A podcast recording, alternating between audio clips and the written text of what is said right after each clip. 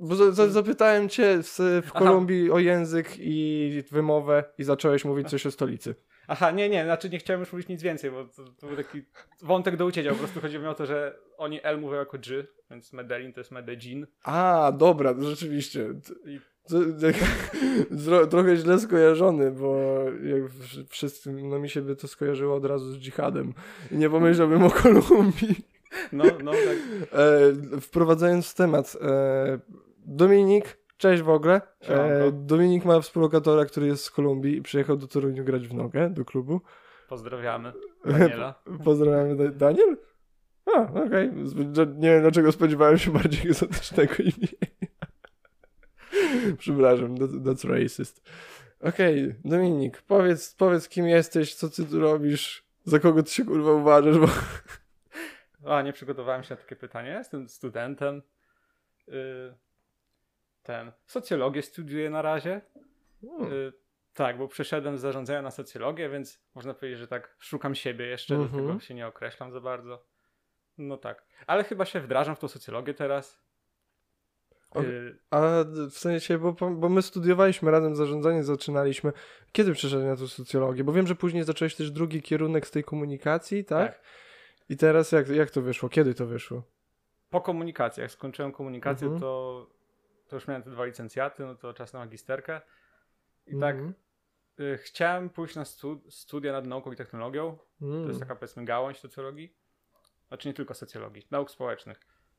Ale wybrałem, y, znaczy wybrałem te studia nad nauką i technologią, tylko że one nie zostały uruchomione. Więc y, razem naturalnym krokiem od tego była socjologia. Okej. Okay.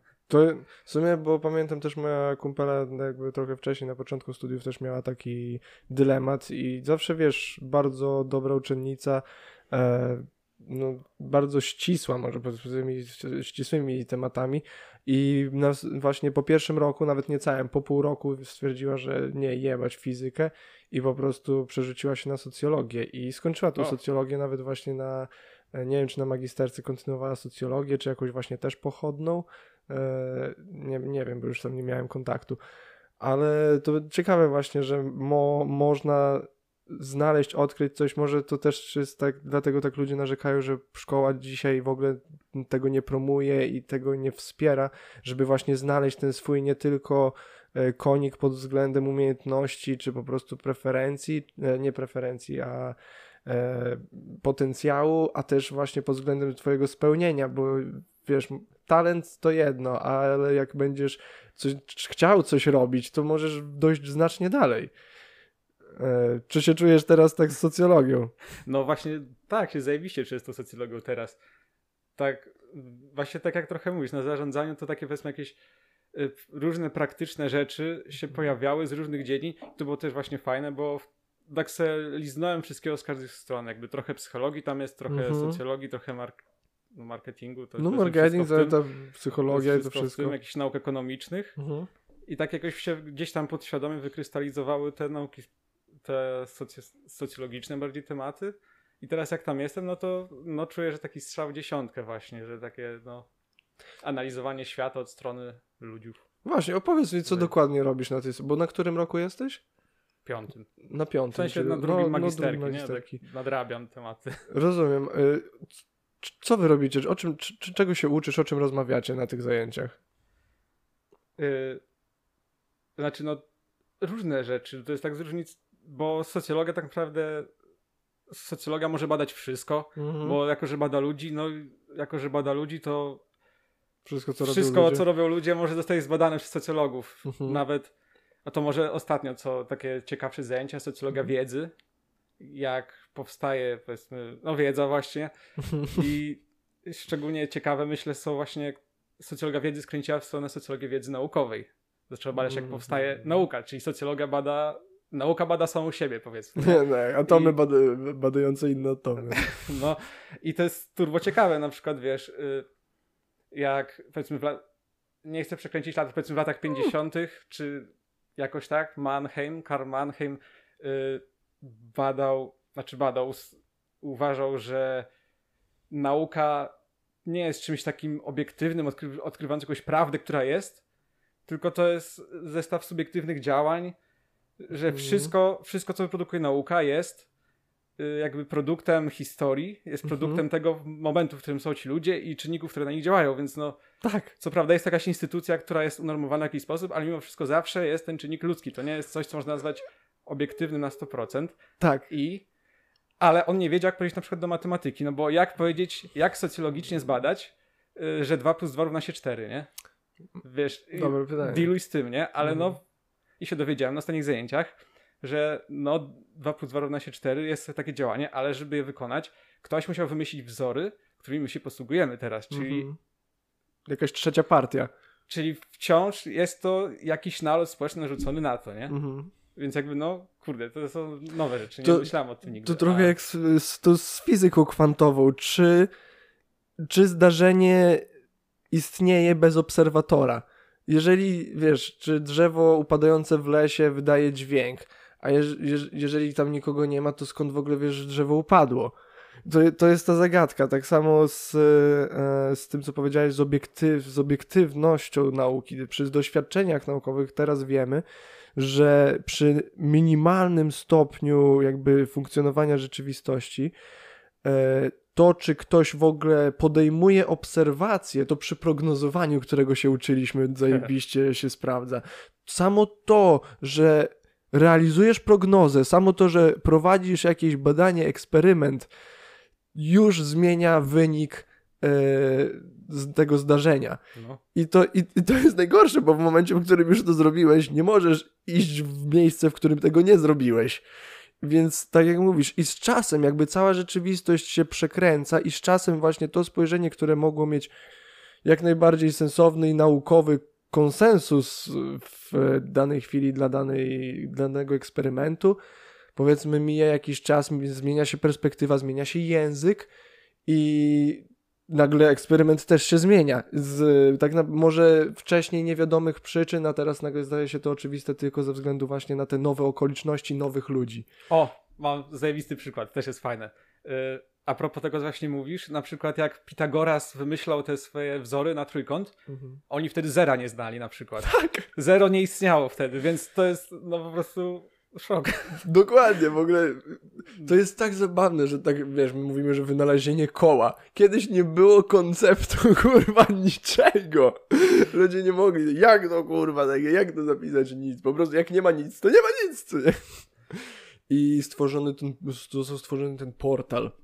I co, co jest tego możesz nie wiedzieć. Jest ten gościu, e, Brian Moralescu się nazywa, napisał książkę Key to, Immor e, Key to Immortality i on ogólnie zbadał, rozkminił to, że w starożytnej Grecji e, korzystano z rytuałów psychodelicznych i to wino, które nam mówili, że wiesz, Bóg Dionizos, że był taki porobiony zawsze i tak dalej, się okazuje, że to wino wiesz, było bardzo takiej słabej fermentacji, tam prawie w ogóle alkoholu nie było, tylko po to, żeby bakterie zabić. I było szpikowane różnymi ziołami, różnymi jakimiś perfumami, przyprawami, i kono, ko, konopiami i grzybami. I zba, zbadał te urny, dostał pozwolenie z jakiegoś muzeum, wysłali to do laboratorium w Harvardzie i pod, pod właśnie pod obecność, zbadano je pod obecność tych pewnych substancji. I między innymi co znaleziono, to urgot, czyli grzyb, z którego później Hoffman wysyntetyzował LSD. O. Więc oni wszyscy byli ostro wyćpani. W ogóle dzięki niemu e, Harvard otworzył nową katedrę, w ogóle zaczął badać e, jakby uży właśnie użytek substancji psychodelicznych w starożytnych kulturach, starożytnej Grecji, pewnie się przyłożył na dalsze kultury. E, mamy też w Indiach coś, co nazwali, bo w Indiach też brali psychodeliki z tym, że nazywali je po prostu jakoś. Jest na przykład wszędzie powtarzane w starożytnych pismach soma, soma i ludzie wierzą, że to była psychodeliczna jakaś mikstura, ale nikt nie ma pojęcia, co to kurwa było. E, więc e, to wszyscy ci filozofowie, właśnie Pitagoras, kolebka demokracji, kolebka kurwa matematyki, filozofii dla naszej kultury wszyscy ostro pani. To jakby bardzo naćpane osoby. W tej książce też gościu napisał, jak później te rytuały zostały przeniesione w głąb Europy, w Hiszpanii właśnie i Portugalii, jak są te e, posągi, które są stricte wyniesione z kultury greckiej i jakby nie ma żadnego powiązania kulturowego poza właśnie tymi rytuałami e, które on zbadał. Więc e, jest też ten e-book, w sensie ten audiobook. Więc jak e, tam wiesz, kiedyś złapał to mega polecam. No Super dobra. ciekawa książka i gościu dosłownie jakby całe swoje życie postawił na szali na tą książkę, co nie, omal, że omal mu się małżeństwo nie zrujnowało, rzucił pracę, co nie i tak dalej. Napisał tą książkę, która stała się ogromnym sukcesem. Właśnie mówię, Harvard dosłownie nowy e, dział naukowy otworzył dzięki niemu, więc sztos. E, I no, Ryzykowny model życiowy. tak, i, i wiesz, i, i to jest zabawne, efekty. że w tej fazie wielkich pomysłów gdzieś tam stamtąd też wypłynęło to zero, które było kiedyś tak abstrakcyjnym konceptem, kurwa. Więc to świetny przykład. Podoba mi się to. Wiesz, znasz jeszcze właśnie filozofię. Czy masz jakieś zajęcie z filozofii? Y, Nie miałem, nie miałem zajęć o tytule filozofia wprost, natomiast Mhm. sama socjologia wiedzy mocno zahacza o filozofię, szczególnie, że jest filozofia nauki, która też się zajmuje tym. Mhm. Chociaż socjologia wiedzą Rezier potem trochę jedzie po filozofii nauki, bo filozofia nauki się trochę przestała rozwijać. Jakby trochę nie brała tych społecznych czynników potem pod uwagę. Ale to jest trochę nie moja działka, więc nie będę się w to zagłębiał. Nie, jakoś tak e, stricte filozoficznych rzeczy nie miałem, ale socjologia się mocno ociera o to, mam wrażenie. Mhm. To jeszcze tak ciągnąć się za te studia, bo musisz już pracę pisać, co nie? Si. To, to, to o czym piszesz teraz? Y, Teraz piszę o tym.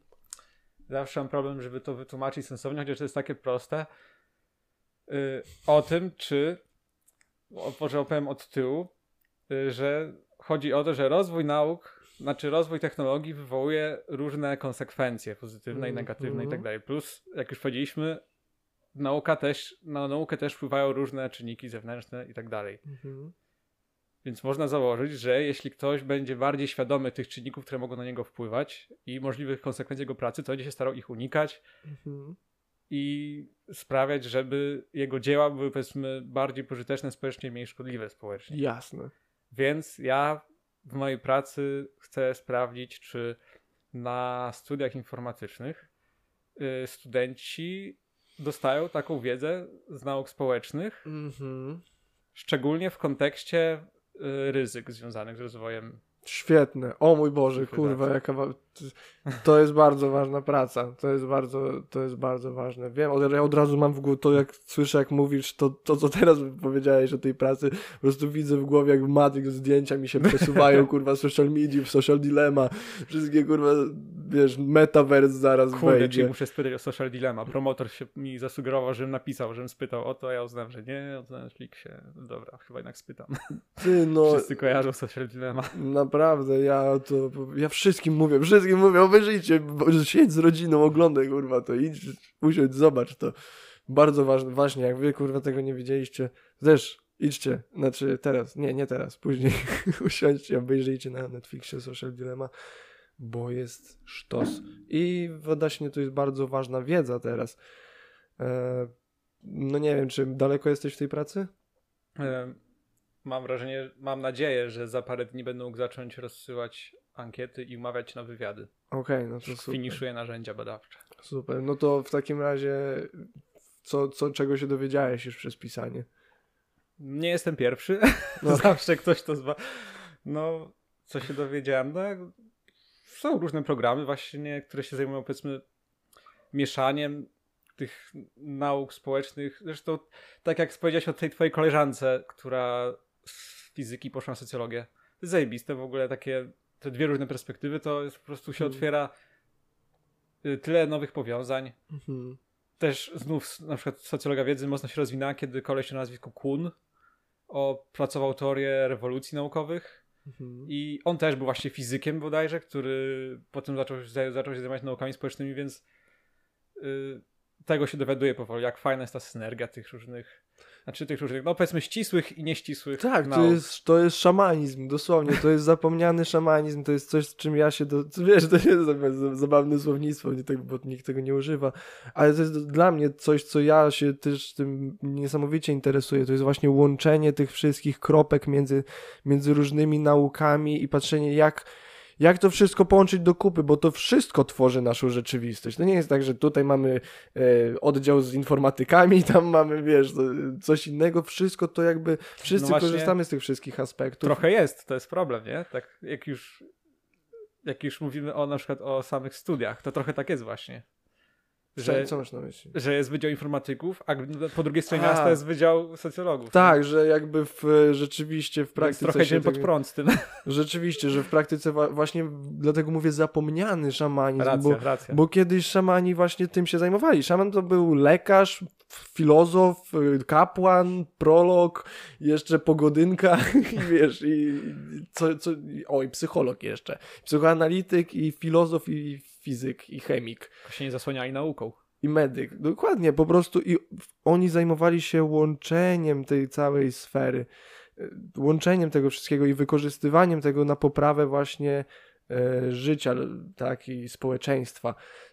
I mi się wydaje, że wraz z rozwojem społeczeństwa i po prostu zwiększeniem się ilości ludzi na świecie, e, jakby umysł ludzki też się rozwarstwił i nadal mamy wiesz, jakiś, tak jakby ten mózg szamana się rozwarstwił właśnie mamy rzeczywiście teraz cały oddział, cały, wiesz, jak świadomość załóżmy, że jest kolektywna i cała planeta, wszystkie mózgi ludzkie to jest jeden mózg. Więc mamy dosłownie pewne oddziały tego mózgu i każdy człowiek się czymś tam zajmuje i każde, wszystkie grupy ludzkie zajmują się tymi swoimi właśnie działami w tym mózgu.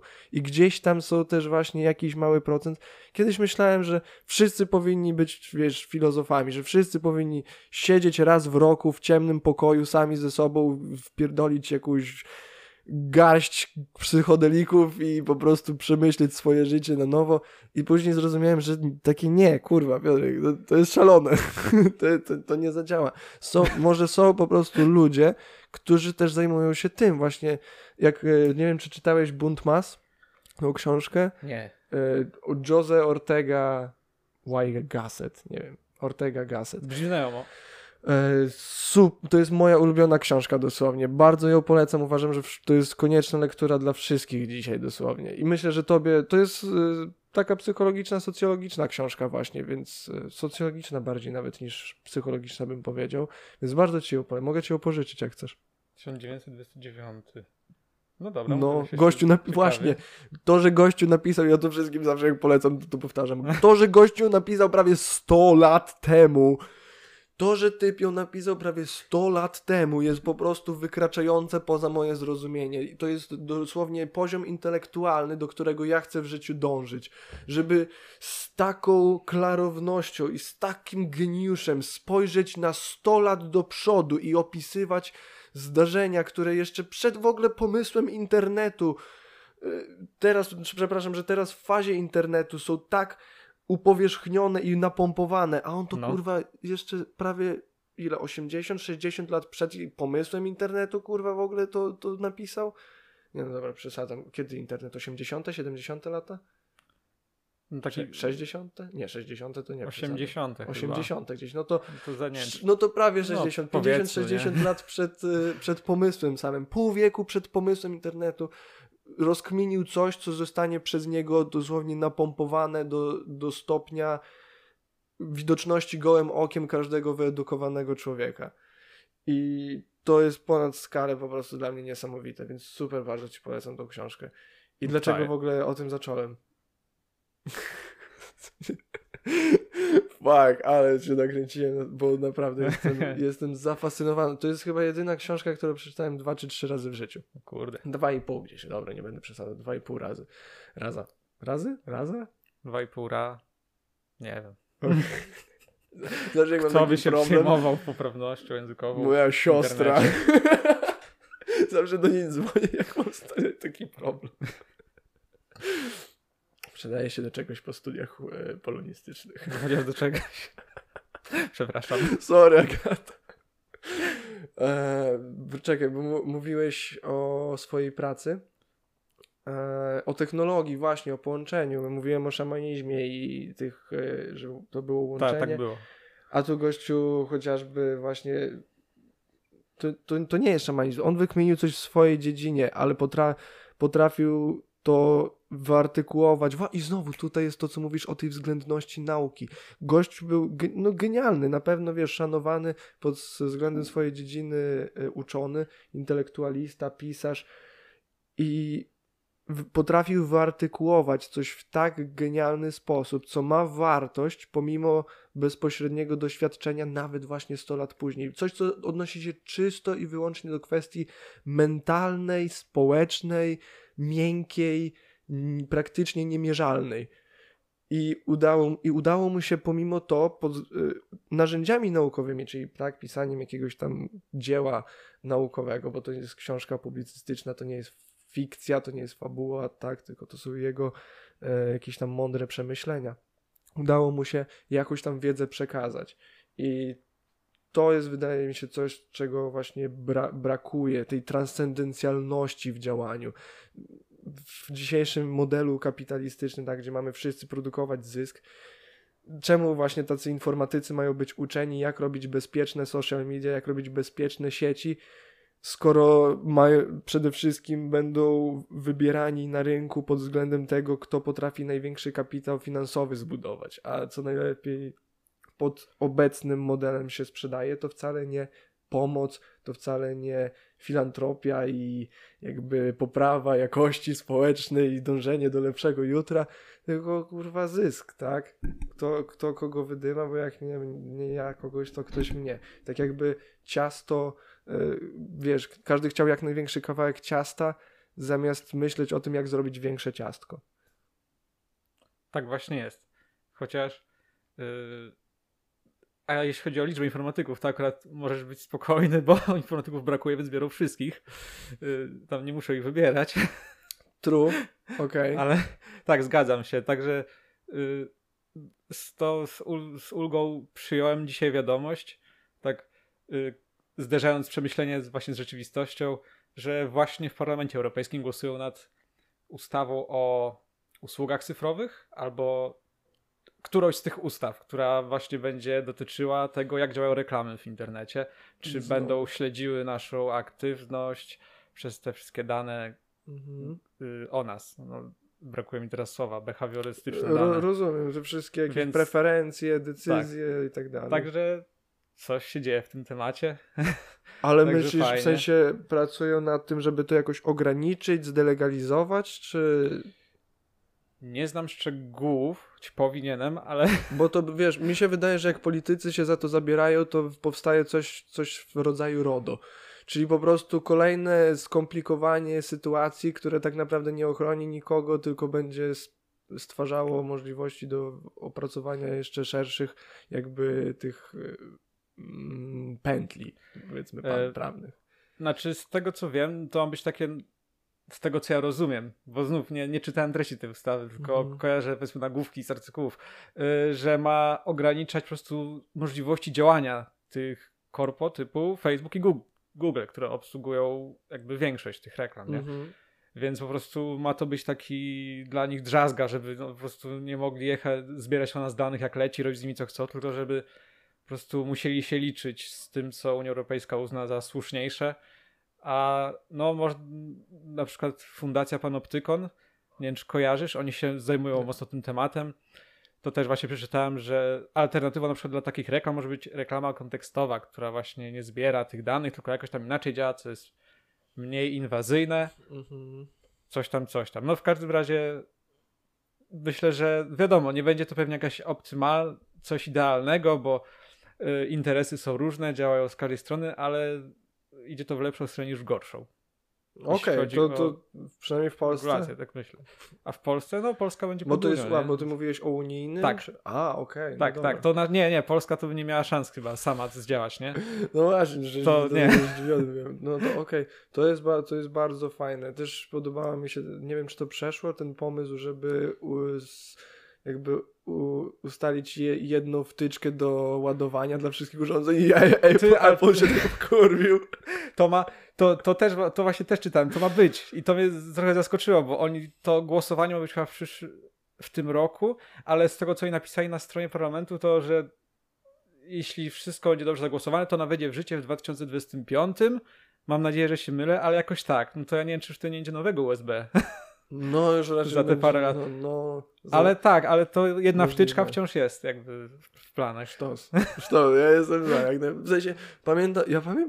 pamiętasz jak byliśmy mali i każdy kurwa miał inny. Weź. A jak o tym... to było pojebane. Sony Ericsson miał takie szerokie szyny w ogóle. To było pojebane, każdy miał swoją wtyczkę, co za chaos kompletny w ogóle. Także Tak nie powinno no być. E, więc... Kapitalizm bez sensu. Chorzy. No, Ej, no, no trochę tak. I ja pamiętam, że jak wprowadzili to jeden, ja byłem taki zaskoczony. Jak to? Tak? Wszystkie zaraz pasuje? Nagle tak z, wiesz, z miesiąca na miesiąc. Ale z drugiej strony dobrze, bo tacy ludzie, co kupują iPhony, po prostu szpanerzy, mają karę, wiesz, rozładuje im się telefon, masz kabel? Nie, mam Androida, nara. No, bez gidy. Ma ktoś od iPhone'a? Mm, Nie, sorry. Mm, Mieszkasz e, w Polsce. Poczekaj, chwilę zamknę okno, tylko dobra? Okej, okay, sorki. E, wstałem okno zamknąć, kurwa, też znowu się zwróciłem z tematu. E, dobrze tak iPhone'em, kurwa, jebać. Jak zrobić firmę, która jest warta tryliard dolarów, kurwa, sprzedawać wtyczki do, dziennie do wszystkiego. Właśnie. E, prze, przechodząc właśnie do... Ty jaki masz telefon? Androida? Tak, ja, ja się daję inwigilować Chinom, mam Xiaomi. ja, te, ja też. Redmi to jest też Xiaomi, czy Huawei. Tak, tak. Xiaomi. No ja mam też Redmi Okej. w zasadzie.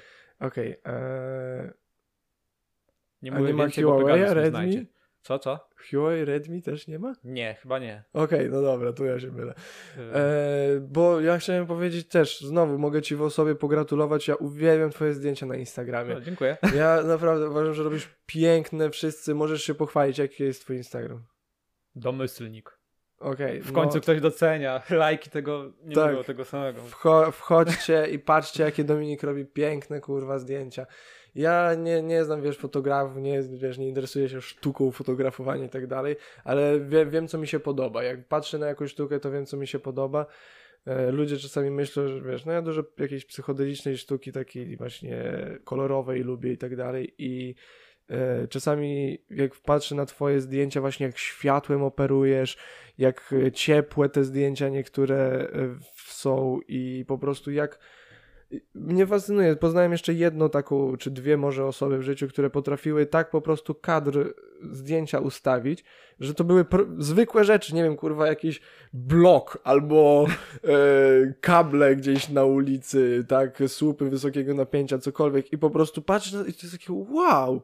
Takie jak właśnie kawałek rzeczywistości, dlatego dla mnie może, ja tak myślę w sposób po prostu To jest moja jakaś tam kwestia, tak, że ja w tej psychodelice siedzę i transcendencjalności, duchach i tak dalej i lubię kolorowe rzeczy i lubię po prostu rzeczy wyjęte z kontekstu, lubię rzeczy chaotyczne. I jak patrzę na te wszystkie właśnie momenty, y, kawałki rzeczywistości, które gdzieś tam dodajesz i jeszcze właśnie jak pięknie y, pod względem jakby oprawy właśnie kolorystycznej czy y, ka- kadrowej, nie wiem, tak, względem pers- tak- perspektywy no. może tak e, są, są one ujęte. Naprawdę wz- wzbudza we mnie to taki podziw jakiś i zainteresowanie na pewno też e, twoją osobą i twoją właśnie...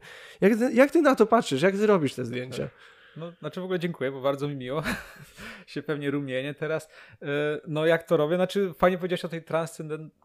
transcendentalności, a Mhm. ponieważ w sumie jak robię te zdjęcia, to zazwyczaj robię jak mam wenę, ale nie w sensie jakąś taką wenę kreatywną, tylko raczej na przykład idę wieczorem i słucham jakiejś fajnej muzyki, na przykład y, ostatnio bardzo dobrze działa w tym względzie soundtrack z Kentucky Route Zero. Co jest, To, nie, co to, to... to jest gra, którą A. bardzo polecam, zajebiście polecam. Y, I ma taki właśnie mood też, trochę psychodeliczny, trochę taki... Może coś więcej o tej grze powiedzieć? Y, kurde, bo ja, ja, jeszcze nie skończyłem w nią grać, więc... Ale co, I w też nie- sensie, czy to jest Znaczy, jakaś a- platforma? Aha, to jest nie, to jest jakby... Technicznie to jest point and click. Okej, okej. Ona, ona jest w formie odcinków, ona się okazywała Mhm. chyba przez 6 lat albo 7, ale jakby cały czas... Wow. To jest taka trochę poezja w formie gry, ale taka jak przystępna jak, poezja The, w formie jak The gry. Walking Dead, coś takiego? Y, W sensie, że odcinki to tak, ale No. w sensie forma to nie. To jest tak bardziej. Kurde, nie wiem do czego to porównać. Kojarzysz Disco Elysium? Mm. Aha, w każdym razie to jest, Elysium, tak, tak. niby to jest do tego podobne, ale ja w Disco Elysium nie grałem, więc to też nie jest taka analogia, którą. Okej. Trochę takie. A wiem, a kojarzysz Twin Peaks? No. To jest trochę takie klimatycznie to jest trochę takie Twin Peaks, ale, ale bez aż tyle humoru, ale jest trochę humorystyczne. Okej, okay, okej. Okay. Takie no kurde. Okej, okay, point and click, nie, nie skończyłeś, więc nie, nie, nie każę ci tam już ciągnąć. E, możesz wrócić do zdjęć. Mega właśnie klimat i ta muzyka i na przykład jak mhm. sobie idę, raz sobie szedłem i słuchałem muzyki z tego i po prostu poczułem się jak przeniesiony do jakiegoś świata, nie? Naprawdę, no idziesz i wiesz, i wszystko jest takie, kurwa, śrubka na ziemi, nie? Wow, tam światło pada na boisko, nie? Tam wyciągam telefon, robię zdjęcie, tak yy, i no nie wiem, tak trochę intuicyjnie, żeby kompozycja się zgadzała, no, na przykład jak zrobiłem to, jest takie zdjęcie z tych ostatnich, zdjęcie, chyba nawet ostatnie, takie zdjęcie boiska, na którym jest takie czerwone światło, mhm. no to kurde, tak spojrzałem na to, no to ten śnieg był, robił taką gładką powierzchnię i to światło chyba z ekranu, który pokazuje punkty, ale to była noc, więc nie wiem, czy on był włączony, ale ten ekran się świecił i to czerwone światło tak się roz, rozsmarowało jak, po jak tym dywan czerwony po tym śniegu. No, totalnie, no i tam stanąłem, zrobiłem z daleka zdjęcie trochę rozmazane, ale potem w edytorze podbiłem ostrość, żeby nie było widać. Mhm. Na Instagramie są małe zdjęcia, więc też ta jakość aż tak się nie wybija. ale w każdym razie, no tak właśnie zazwyczaj chwytam takie momenty, że no chwila, że czuję, czuję się zajebiście w niej i mhm. staram się tego się uchwycić, więc... E, co do obróbki, ty robisz telefonem po prostu zdjęcia? Tak, tak. To jaki, masz, to jaki masz dokładnie telefon w takim razie? Y czy pamiętasz? Tak, on Redmi Note 8 Pro? Czy coś, kurde, zapomniałem już. Ale... 8T Pro, coś takiego? Nie, to jest ten zwykły chyba okay. Pro. Redmi Note 8 Pro, zdaje się. Okej. Okay, no. Albo coś, coś I, I używasz do obróbki narzędzi na telefonie, na Instagramie, czy, czy obu? Yy, naj, najbardziej lubię dwa programy. Lubię albo VSCO, mhm. w nim lubię takie robić raczej takie zimne kolory. Mhm. Takie powiedzmy niebieskie, zielonkawe, to w VSCO dobrze wychodzą. Nie wiem jak się wymawia. Vasco? Yy, nie mam pojęcia o czym mówisz, Aha. się boję. No trudno. A drugi program to jest Snapseed. To w nim lubię bardziej robić takie, jak ma być właśnie takie ciepłe, jakieś takie z szumem zdjęcia.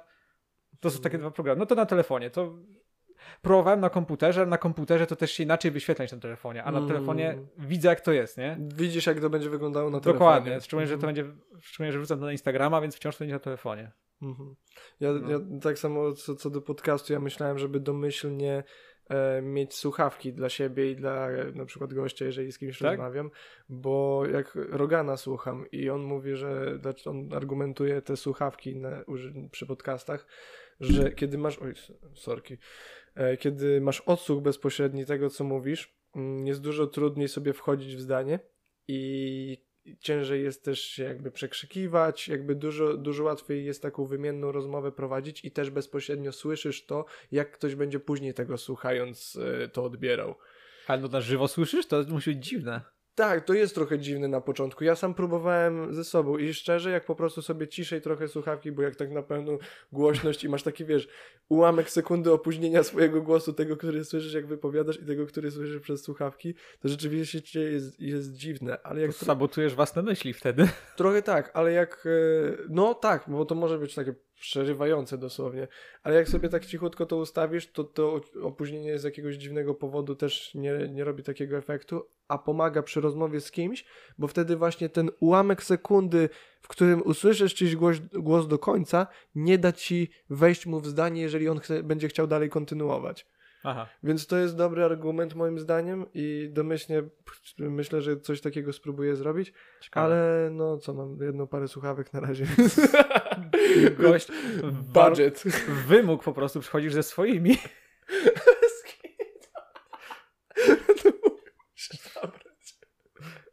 No, pomyślę o tym, pomyślę o tym. Eee, zdjęcia? E, właśnie, co do, co do to, to, jak teraz opisywałeś, to jak robisz to zdjęcie, to brzmi nawet trochę trippy. Tak, w sensie mu, musisz, pers- o, trippy, co mam przez to na myśli, po prostu zmiana perspektywy. Znowu, to jest po no. prostu po, po umiejętność postawienia się nawet w roli tego płatka śniegu, co nie? Hmm. I to jest, wydaje mi się, coś, co właśnie odczuwasz yy, tripując głęboko, jak w takie głębokie stany psychodeliczne, czy to właśnie przez narkotyki, czy przez jogę, czy przez jakieś inne praktyki duchowo-umysłowo-fizyczne. E, kiedy osiągasz dosłownie, jakby możesz eksplorować rzeczywistość, może nie do końca e, naumyślnie, ale może rzeczywiście zobaczyć y, multiversum. Są przypadki ludzi, którzy doświadczali rzeczy, widzieli rzeczy niewytłumaczalne dosłownie, które później, wiesz, mijał jakiś czas i widzieli w swoim życiu, widzieli w wiadomościach, widzieli gdzieś i nie, wiesz, nie możesz tego, nie możesz powiedzieć, wiesz, nagle pójść do lekarza, pójść do rządu i powiedzieć, ej, wziąłem, kurwa, garę grzybów i przewidziałem to, no, kurwa, to nikomu nie pomaga. Ale tak jak właśnie wizja artysty, który, wiesz, po prostu ma umysł inny od wszystkich, potrafi sięgnąć w jakieś miejsce rzeczywistości i właśnie zmienić tą perspektywę, też uzyskać jakby po prostu przez to, jaki jest, jaka osoba jest, pewne spojrzenie z innej, nawet nie swojej perspektywy, ale to on e, jakby przeniesie ją do naszego świata poprzez właśnie swoje dzieło. Czy poprzez właśnie to, że komuś to opowie, czy przez to, że sam tego po prostu doświadczy w jakiś sposób, czy właśnie przez to dzieło fizyczne, które wykonują artyści, tak obrazy, zdjęcia, rzeźby, figurki, podcasty, co, cokolwiek, co możesz stworzyć i jakoś ten, ten chaos porządkuje w sposób, który nikt, sposób, do którego nikt inny tak naprawdę nie miał dostępu, bo wiesz, przy szczególnie bardzo cenionych artystach mamy coś takiego jak Picasso, wiesz, o, taki Picasso, kurwa, że to każdy dzieciak by mógł zrobić, ale to, to dlaczego nikt nie robi? Dlaczego nikt nie, dlaczego on jest tak genialny? Ponieważ mi się wydaje, że właśnie z, co artyści robią przynajmniej, to z czasem wypracowując ten swój styl, tak nawiasem mówiąc, e, odkrywasz tak naprawdę to, e, z czym przyszedłeś na ten świat na samym początku. Czyli właśnie tą swoją unikalną perspektywę, tą, swo tą swoją unikalną umiejętność porządkowania jakiegoś tam aspektu tego całego chaosu, który nas otacza. Nie ogarniesz wszystkiego. Dzieje się za dużo. Dzieje się za dużo, na poziomie nawet doświadczalnym i na poziomie tym niedoświadczalnym. Za dużo, nie ogarniesz wszystkiego, więc potrzeba, na, potrzeba nam wszystkich, wszystkich dosłownie, kto, kto tylko może i kto nie może, niech się postara, kurwa, zrobić tak, żeby mógł, żeby właśnie jakoś to porządkować, żeby jakoś próbować jakąś wartość, jakieś, jakieś coś zrobić z tym całym chaosem, który mamy wokół siebie. Tak może wrac- I dlatego społeczeństwo jest pięknym wynalazkiem. Koniec. to, jest, to, jest, to jest bardzo... Motto socjologa. Ty, no. Ale to jest, to jest fajne zakończenie tego wywodu. Tak, ja ogólnie wiesz, ludzie mówią, że o, ludzie to zaraza. Ja może jak byłem hmm. młodszy, to też gdzieś tam miałem takie myśli, że ludzie robią wszystko złe na tym świecie.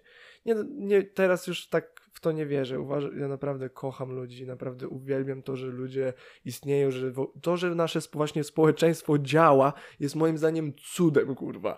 To, że w ogóle cokolwiek działa, że mamy chujową służbę zdrowia i chujowy wywód śmieci, chujowe to i tamto, kurwa. Ale to działa! To jest no. kurwa. Wyobraźcie sobie, wiecie, jak trudno jest zbudować cokolwiek, co działa. Prawda? Że chcąc, nie chcąc, jakoś się trzymamy. Trochę jakby na ślinę, ale idziemy do przodu, nie? No, to jest dla mnie naprawdę, yy, znaczy nie satysfakcjonujące, fascynujące i takie motywujące, że to naprawdę, że to działa, kurwa.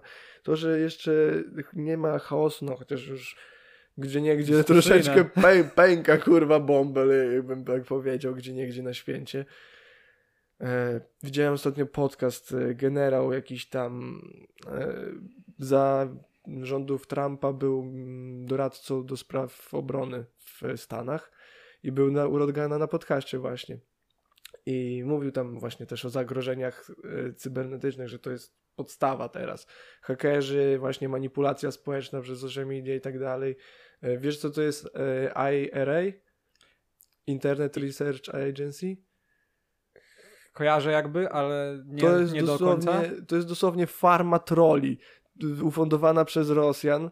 Okej, okay, to muszę zapamiętać. Tysiące ludzi po prostu zatrudnionych tylko po to, żeby trollować, po prostu wkurwiać i powodować no, no. Y, niezgodę i chaos społeczny w innych krajach. Y, odkryto, że 19 z 20 największych stron chrześcijańskich na Facebooku były prowadzone przez takie właśnie farmy troli. Między innymi jest... w Macedonii chyba znaleziono taką jedną, o ile się nie mylę w tym przypadku akurat. I masz to jest, jak to się mówi, miód na moje uszy, ale w sensie na, moją, na mój stosunek do religii. Tak, tak, rozumiem, to jest zabawne w chuj. Ale wiesz, kiedy zrozumiesz, że dosłownie są jakieś są agenci, wiesz, jak, nis jak niskiego szczebla by nie byli, to są jacyś agenci, pracownicy zatrudniani do tego, żeby na przykład ustalać e, lewicowy ruch, e, wiesz, marszu naprzeciwko ulicy od kurwa zlotu kibio, kiboli. No, no. Są ludzie, przykład, którzy dosłownie nie? zawodowo zajmują się w jakimś obcym kraju jakby organizacją takich wydarzeń u nas, w Polsce, w Stanach, w Afryce, mnóstwo sytuacji, gdzie właśnie były manipulacje w social mediach. E, sam Facebook został oskarżony o zmianę e, wyników wyborów w wielu krajach afrykańskich. Tak, tak, właśnie jak o tym mówiłeś, to od razu mi się książka o Cambridge Analytica przypomniała. Mhm. Nie, nie kojarzysz? Nie, nic e, nie. Dobrze, to tłumaczę, tylko nie pamiętam. Aha, Mindfuck się nazywała. Ona Mindfuck i ją napisał Christopher Wiley, który był właśnie sygnalistą. Cambridge Analytica to właśnie przez Cambridge Analytica wybuchła, wybuchły te oskarżenia wobec Facebooka, bo oni oni chcieli pro, a, zapominam szczegóły, ale oni po prostu chcieli wykorzystać, oni zajmowali się manipulowaniem właśnie takim politycznym w różnych miejscach, między innymi w Afryce, chyba nawet zaczynali od Afryki i prowadzili różne właśnie takie powiedzmy szemrane zlecenia na, dla krajów różnych. Mhm głównie europejskich zdaje się, głównie Wielkiej Brytanii zdaje się.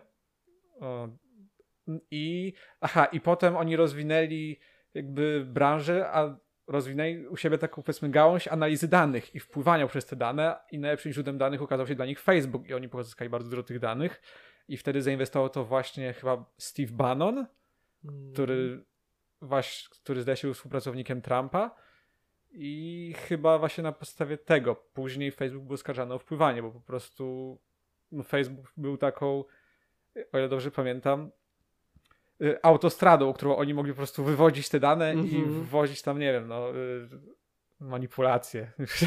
To, to, to jest bardzo nieszczegółowy opis, ale w ogóle co polecam książkę w każdym razie. Y, na pewno widziałeś tego Zuckerberga przed kongresem. No. Kurwa, co? Memy jakby memy były słodkie, ale no, sa no, no. samo wydarzenie było pojebane, w sensie dla, I to było tuż przy RODO, co nie? Mhm. Pamiętasz mhm. to, że to było tuż przy prowadzeniu RODO i mi się wydawało, jak na to patrzyłem, że to jest dosłownie takie, dlaczego akurat teraz? Właśnie jakby te sprawy, o których mówisz, to już było wiadomo od dawna, kurwa, że tak, że Facebook robi te rzeczy. Jakby mówiono o tym przynajmniej długi czas już, ja pamiętam. Kiedy my byliśmy jeszcze gdzieś tam pod koniec gimnazjum, to już o tak, tym Tak, tak, ja nie pamiętam. Znaczy, ciężko mi znaczy, teraz wiesz, się postawić w tamtym czasie. Nie, nie, nie pamiętam wtedy bezpośrednich zarzutów, ale no. pa pamiętam już, że tak, że Facebook na pewno manipuluje twoje dane, że wiesz, zdjęcia ludzie, by, że o zdjęciach ludzie mówili, bo wtedy ludzie tak dużo zdjęć na Facebooka wrzucali przed Instagramem jeszcze. No były na pewno łańcuszki, że jak nie usuniesz tego zdjęcia, to... Tak, pamiętam, dokładnie. Czy, czy I te wszystkie zdjęcia też były, wiesz, jakby kodowane, wszystko, wszystko jest zapisywane, tak? tak jakby tak. oni to wszystko wykorzystują. I już wtedy mówiono, żeby tego nie robić, bo to jest niebezpieczne. Więc y, jak ja, jak ja zobaczyłem go przed tym kongresem i tuż przed tym, jak jeszcze słyszałem, że zaraz wprowadzą RODO i będą zmieniać tam politykę, w ogóle korzystania ze stron i tak dalej, to ja jedyne co zobaczyłem, bo ludzie zawsze muszą mieć jakby kogoś pod kogo nakleją naklejkę, kurwa. To on! To on! Więc mieli, wzięli tego Zaka, który tak naprawdę jest nietykalny. No, był zdenerwowany w chuj, bo chcieli z niego zrobić koza ofiarnego i on na pewno o tym wiedział. Więc poszedł przed ten kongres i kurwa pił tą wodę, kurwa, z trzęsącą się ręką jaszczura, czy robota, którego tam wysłali. E, I więc mieliśmy osobę, pod którą nakleiliśmy naklejkę. O, to on jest zły pan, który hmm. manipuluje naszymi danymi i teraz zmieniamy w ogóle prawo. I mi, kto tak naprawdę, kto, kto z użytkowników przeczytał teraz nowe, kurwa, y, prawa i nowe regulaminy po wprowadzeniu RODO, z, po otrzymaniu maila z 15 stron, na których byli zarejestrowani. Takie moim zdaniem to była po prostu szansa na y, zbudowanie nowego jakby wiesz, oprogramowania nowego, takiego prawnego, w sensie mogli napisać nowe zasady, takie bardziej pod siebie. I dla, dla jakby użytkowników... Kto mógł napisać? W sensie... Yy, no wiesz, tutaj tworzenie prawa plus jakby no, manipulacja na pewno jakaś zewnętrzna od strony tych korporacji. Nie wydaje mi się, że po wprowadzeniu RODO jest o tyle bezpieczniej, bo ludzie stali się jakby bardziej numerkami w systemach, co społecznie wcale nie pomaga. To, że wiesz, teraz ktoś dzwoni, jeżeli jest kurwa matką, ojcem albo bratem, nie wiem, córką, nawet żoną kurwa klienta, to ni chuja, nawet nie możesz się dowiedzieć, czemu, czemu ci telewizja nie działa, co nie? To nie jest pomocne dla nikogo, kurwa. To, że musisz zaakceptować nowe warunki na każdej stronie, nie czytając ich nadal, ponieważ są napisane tak samo skomplikowanym prawniczym językiem, no. nikomu nie pomaga. W sensie, dlatego też tak, dla, dla też, mnie to mocno śmierdzi. Bo RODO było ch chyba też nie tyle nową ustawą, co aktualizacją jakiejś starej, mhm. więc to był chyba taki, może to było nie wiem, może to było coś, co oni chcieli zrobić, żeby po prostu zadziałać jak najszybciej. Wiesz, tak, tak teraz sobie może mm. y, szukam jakiegoś takiego wyjaśnienia dlatego, bo rzeczywiście kom, zdaje się, że komplikuje życie. Mhm. I no nie wiem, no ja, ja, nie miałem jakichś złych, to, złych przeżyć z RODO, ale no ja nie, nie miałem takiej sytuacji, jak ty mówisz. No. Ale, no, ale też słyszałem właśnie sporo, że no, no komplikuje. No komplikuje w sumie te wszystkie szkolenia z RODO, które trzeba było przeprowadzić. Społeczne ale... aspekty. Jak ja pamiętam, pracowałem w jakiejś firmie, wprowadzili to RODO i mieliśmy tablicę wyników. No. Tablica wyników. I tam były imiona naszej grupy.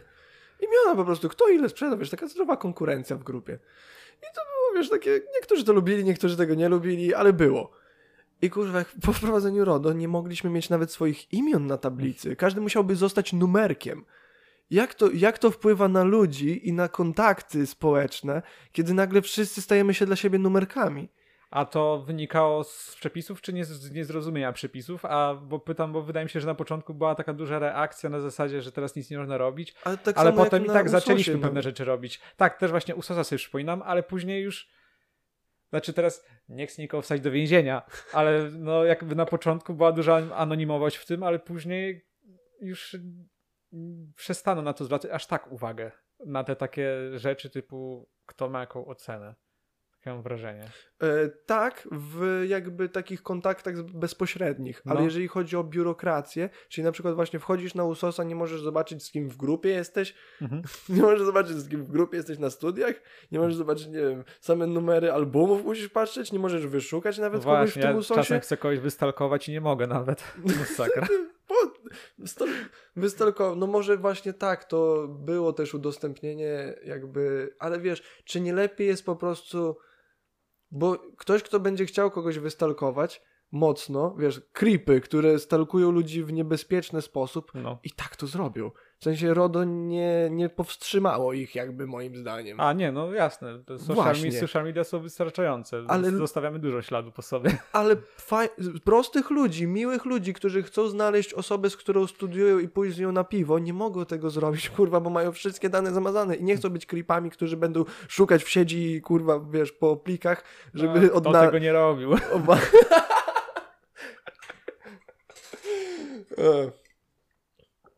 E. Niech pierwszy rzuci kamień. No właśnie. E, znaczy, ja nie. No, no, nie my, nie my. Wyrzućcie kamienie. E, nie mamy kamieni po prostu. To może i lepiej. Moje okno! No, e, co chciałem jeszcze zapytać, bo na pewno masz jakąś opinię, wydaje mi się, skoro siedzisz w tej pracy. E, teraz jak powstanie cały ten metaverse, nie wiem czy wiesz, ta firma chce wrzucać miliard dolarów rocznie w budowanie wirtualnego... Meta? Tak. W sensie Facebook. Bo tak. Oni, bo, oni zagarnę, bo oni zagarnęli tą nazwę i teraz łatwo się pokręcić. Jakby to, to jest, wiesz, to y- jest, to, to jest spółka jakby, no. No, no. Jakby ci, i te, ta cała spółka będzie pompowała miliard dolarów rocznie w budowanie wirtualnego świata. Y. Wyobraź sobie, ile Facebook ma użytkowników, kojarzysz? 3 miliardy aktywnych? 3 miliardy użytkowników. Plus. To jest pół świata. Wyobraź sobie, że będą mieli jeszcze wirtualną przestrzeń. Będziesz mógł dosłownie być w Facebooku. Na terenie Facebooka, gdzie będą mieli własne zasady. Będą mogli stworzyć też jakąś własną kryptowalutę, gdzie będziesz mógł kupować rzeczy na Facebooku i w Facebooku. Będziesz mógł swoje swoją tablicę, może swój stragan, może swój cały dom i willę, kurwa, na Facebooku ozdobić. Jakby będą mogli stać się rzeczywi- nie, nie wiem czy rzeczywistym, ale wirtualnym państwem dosłownie. Albo świat, dosłownie światem, kurwa. Mówisz 3 miliardy ludzi to jest połowa naszego świata. Takie, jak, jak sądzisz, gdzie, dokąd to, gdzie to idzie? Czy jak to może będzie no. wyglądało jeszcze w takim powiedzmy naszym zakresie życiowym? No właśnie, yy, znaczy moja opinia jest w sumie oparta na tym, co tam jakieś różne teksty poczytałem i kilka rzeczy myślę. I jedna rzecz jest taka, to może to, co ty powiedziałeś, właśnie, że Facebook będzie miał kontrolę nad dużym aspektem życia, to się zgadzam. Właśnie fakt, że. Bo metaversum to jest jakieś pojęcie, które nie należy tylko do Facebooka. Oni, powiedzmy, no tak. teraz zarejestrowali nazwę metaver metaverse. Tak sprytnie nazwali firmę, żeby pasowało. Tak, tak. I to tak trochę tak jakby sprytnie. Metaverse to my! Tak, takie wiesz, buty Adidasy, nie? Trochę tak zagarnęli to, co. Dobry. Ale i właśnie, i to jest słabe, bo właśnie czytałem opinię na przykład, że w obliczu, w obliczu prób ograniczenia zakresu działania na przykład Facebooka czy Google'a, właśnie przez takie różne przepisy, jak te na przykład o usługach cyfrowych, które są teraz przegłosowywane, o czym wspominałem, mhm. Y, to oni wybiegają na prze, jakby już do przodu, mówiąc, no dobra, to my idziemy w wirtualną przestrzeń, nara, nie? I więc tak, więc to uważam, że jest bardzo niebezpieczne, że znowu duża korporacja, która słynie z tego, że lubi nas inwigilować, y, teraz wygarnia, wygarnia sobie nowy obszar w ogóle ludzkiej, ludzkiego życia i chce go kontrolować. Egzystencji dosłownie. Egzystencji, tak, tak. I to jest słabe. Więc to tak. A druga rzecz jest taka, że w sumie y, to, co opisałeś o metaversum, w sensie nie krytykuję tego, co powiedziałeś, tylko właśnie chcę argument postawić, że nikt za bardzo nie wie, jak będzie wyglądało metaversum, bo y, te fantazje są trochę takie nie są zbyt przyszłościowe, w sensie co, świat wirtualny, czyli co, gra komputerowa, w której chodzisz, możesz coś kupić, nie potrzebujesz kryptowaluty, żeby coś kupić i trochę mam wrażenie, że wiadomo, że trochę trudno przejść, jak się rozwinie technologia, bo yy, mam takie skojarzenie, jest taki rysunek, yy, chyba sprzed 100 lat, powiedzmy, powiedzmy, że jest z roku 1900, jak będzie wyglądała straż pożarna w roku 2000, czyli za 100 lat. I tam są strażacy, którzy są, są w lśniących zbrojach i mają skrzydła na dupie i oni tam mogą wtedy wlecieć do budynku, nie? To jest wizja, no i mam wrażenie, że ta aktualna wizja tego metaversum to jest trochę, to są właśnie trochę tacy ci strażacy ze skrzydłami, nie? że no po prostu brakuje nam wyobraźni, żeby sobie wyobrazić, jak ta technologia wyewoluuje i na ten moment to jest po prostu sposób, żeby popchnąć dalej rozwój y, rozszerzenia rzeczywistości w sensie VR, AR i tych takich po jakby to ująć pokrewnych tak? I powiedzmy jakiejś takiej dalszej cyfryzacji, ale no ta wizja jest trochę, moim zdaniem jest mało składna, nie jest zbyt przyszłościowa, raczej właśnie jest zbyt zakorzeniona w tym, co jest teraz, nie bierze pod uwagę za bardzo, jak ludzie działają, tylko raczej jakąś taką inżynierską fantazję. Ale w sumie też bez nie, żebym krytykował inżynierów, tylko no...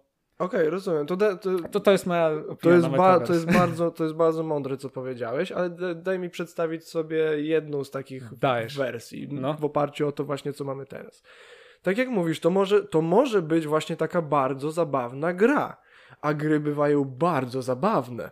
W sensie, wiesz, są ludzie, którzy nawet na starość na nowo są wystawieni na jakąś grę, w którą są tak...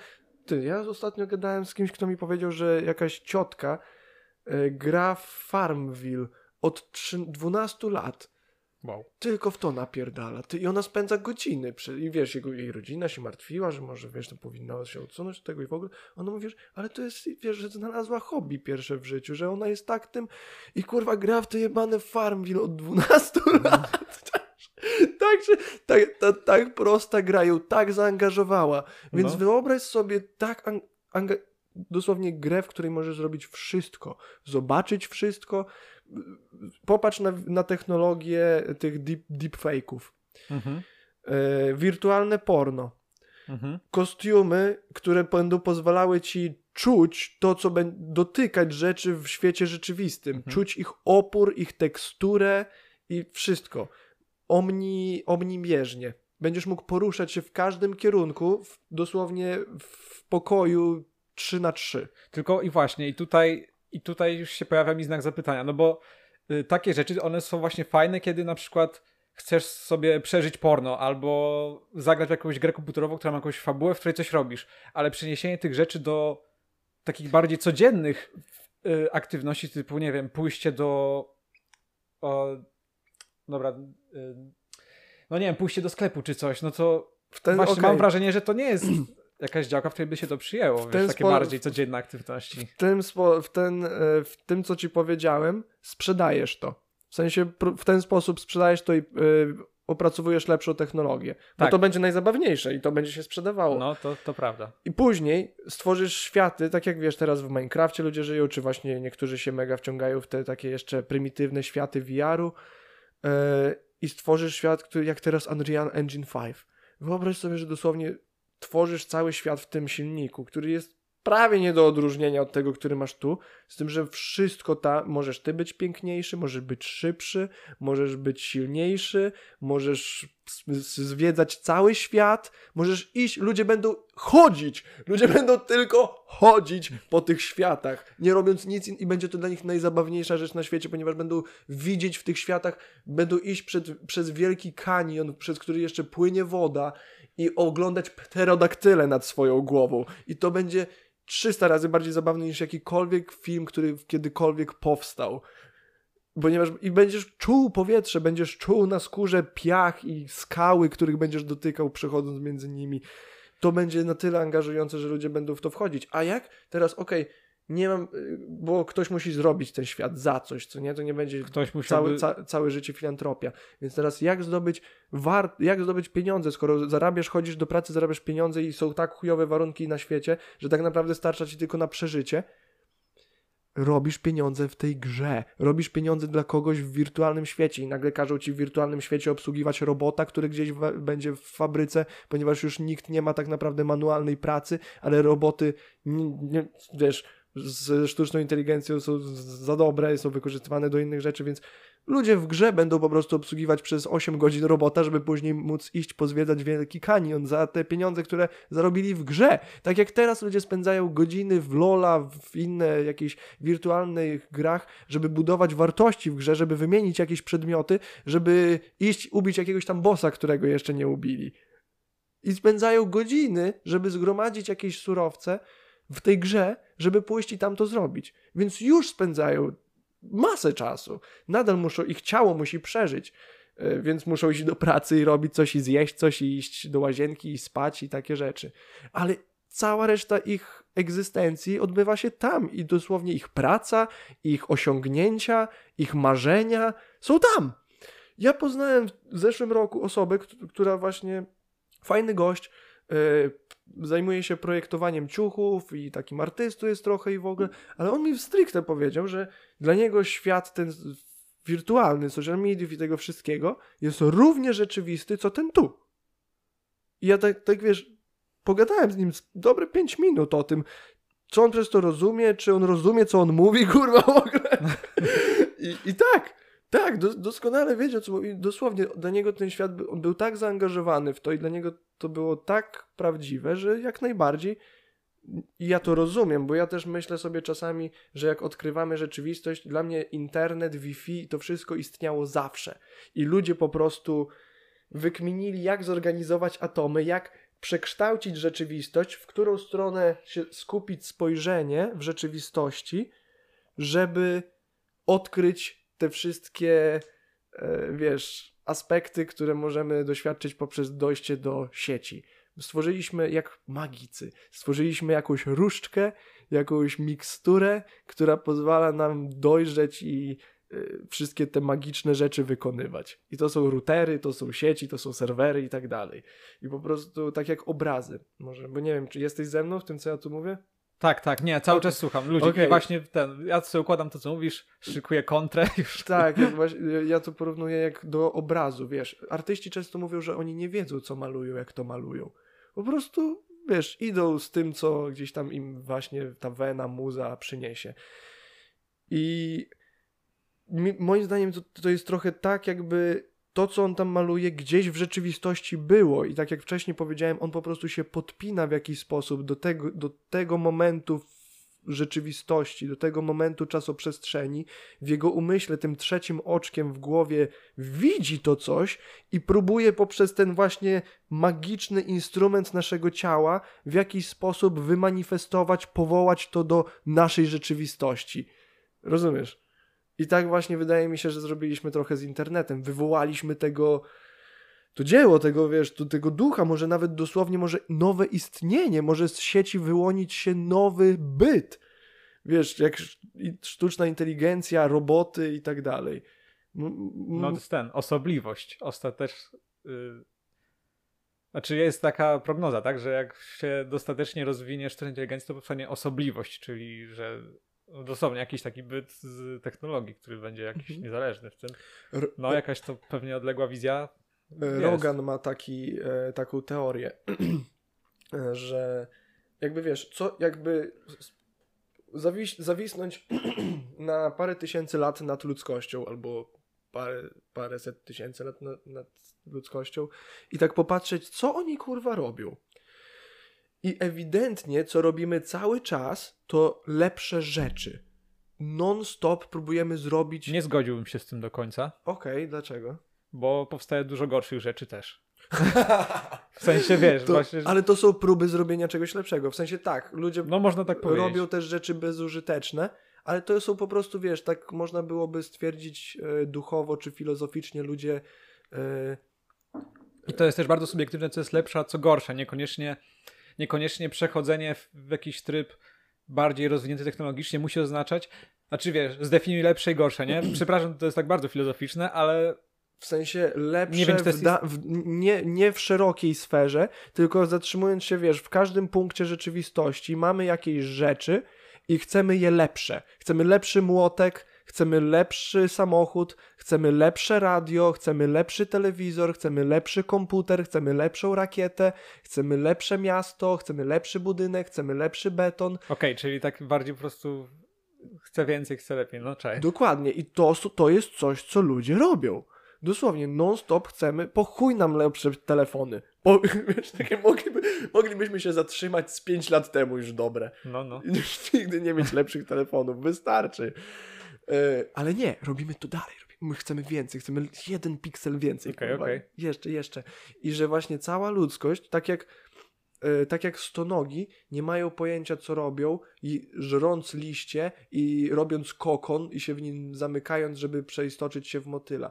Nie mają pojęcia. Nie wiedzą? Nie mają pojęcia. Jakby wiedziały, to by tego nie robiły. Czytałem kiedyś, jak, jak one się zmieniają. Przecież one się roztapiają w zupę Dokładnie. i potem z tej zupy powstaje inne zwierzę. To jest, kurde. To jest dosłownie... One by się nie przepoczwarzały, jakby wiedziały. To jest jeden z dowodów na to, że rzeczywistość nie jest losowa, że jest jakiś inny ład, ponieważ tak chaotyczne zachowanie nie jest wytłumaczalne, żeby rozłożyć całą swoją strukturę DNA, żeby całe twoje DNA było zaprogramowane w sposób taki, żeby całe twoje ciało poza chyba mózgiem, rozłożyć na czynniki pierwsze, dosłownie tak jak mówisz, w zupę, kurwa, i później poskładać się w zupełnie nowym porządku, który został zachowany przez miliony lat.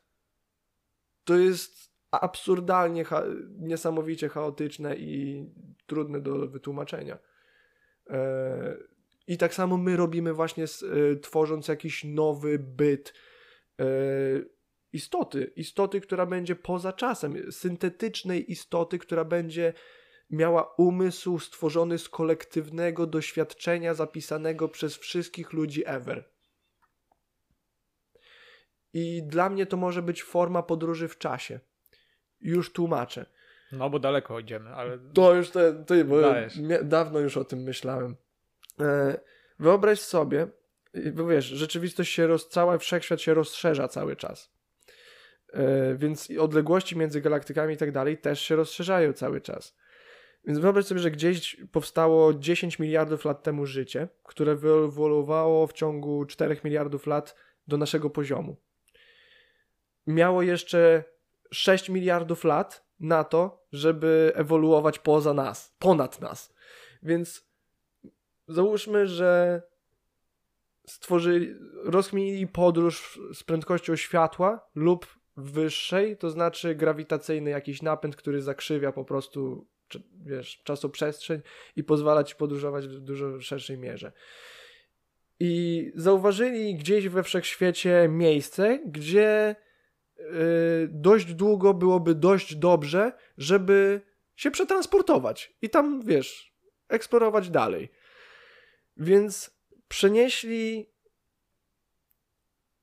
grzyby, jak, które są jakąś technologią biologiczną, może powiedzmy, lub samym organizmem, które zbudowały życie na planecie. Zrobiły drzewa, zrobiły atmosferę i tak dalej, i tak dalej, i z nich wyewoluowało e, życie. Czy jakakolwiek inna technologia, wiesz. Grzyby to jest jedna z tych, ponieważ jest jednym z najstarszych organizmów, jakie tutaj istnieją, i każde praktycznie biologiczne życie, jakie istnieje tu, pochodzi od grzyba. Sztosik. Więc mamy jakąś technologię, która przeniosła życie na i jakąś tam planetę. I tak naprawdę dla tego, kto to wysłał, nie ma znaczenia, że nasze życie będzie się rozwijało przez te 4 miliardy lat tylko po to, żeby w ciągu kolejnych 100 tysięcy stworzyć dla nich ciało, żeby mogli za pomocą na przykład sieci, czy jakiejkolwiek innej technologii me mentalnej, jak właśnie psychodeliki, czy sieci technologicznej, czy grawitacyjnej, przenieść po prostu swoją świadomość do, do miejsca, w którym chcieli się znaleźć. W sensie w czasie czasoprzestrzeni dosłownie, ponieważ oni już dawno mogli zobaczyć, jak ta planeta będzie wyglądała, wiesz, dziś. No. Więc nie miało to dla nich znaczenia, po prostu weszli trochę dalej, stworzyli te warunki, w których mogą stworzyć organizmy, które będą pseudoświadome. nie będzie to im, z, w sensie pomoże to w stworzeniu e, ego, które pozwoli stworzyć technologię, czyli fizyczne wartości, dla stworzenia nowego organizmu. Tak jak właśnie ta cholerna stonoga, która po prostu robi te wszystkie rzeczy, nie A. wiedząc dlaczego od początku istnienia. Dostrzegam analogię teraz.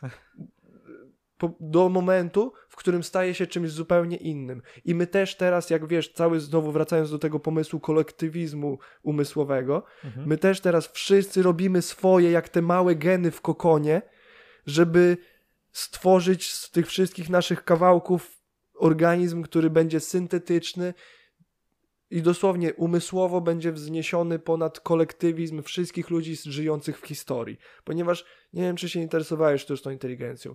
Jeżeli rzeczywiście, jeżeli rzeczywiście stworzymy komputer, który będzie myślał sam za siebie, ludzie nie rozumieją. On będzie się uczył i pojmował rzeczy tysiące, tysiące, tysiące razy szybciej niż my.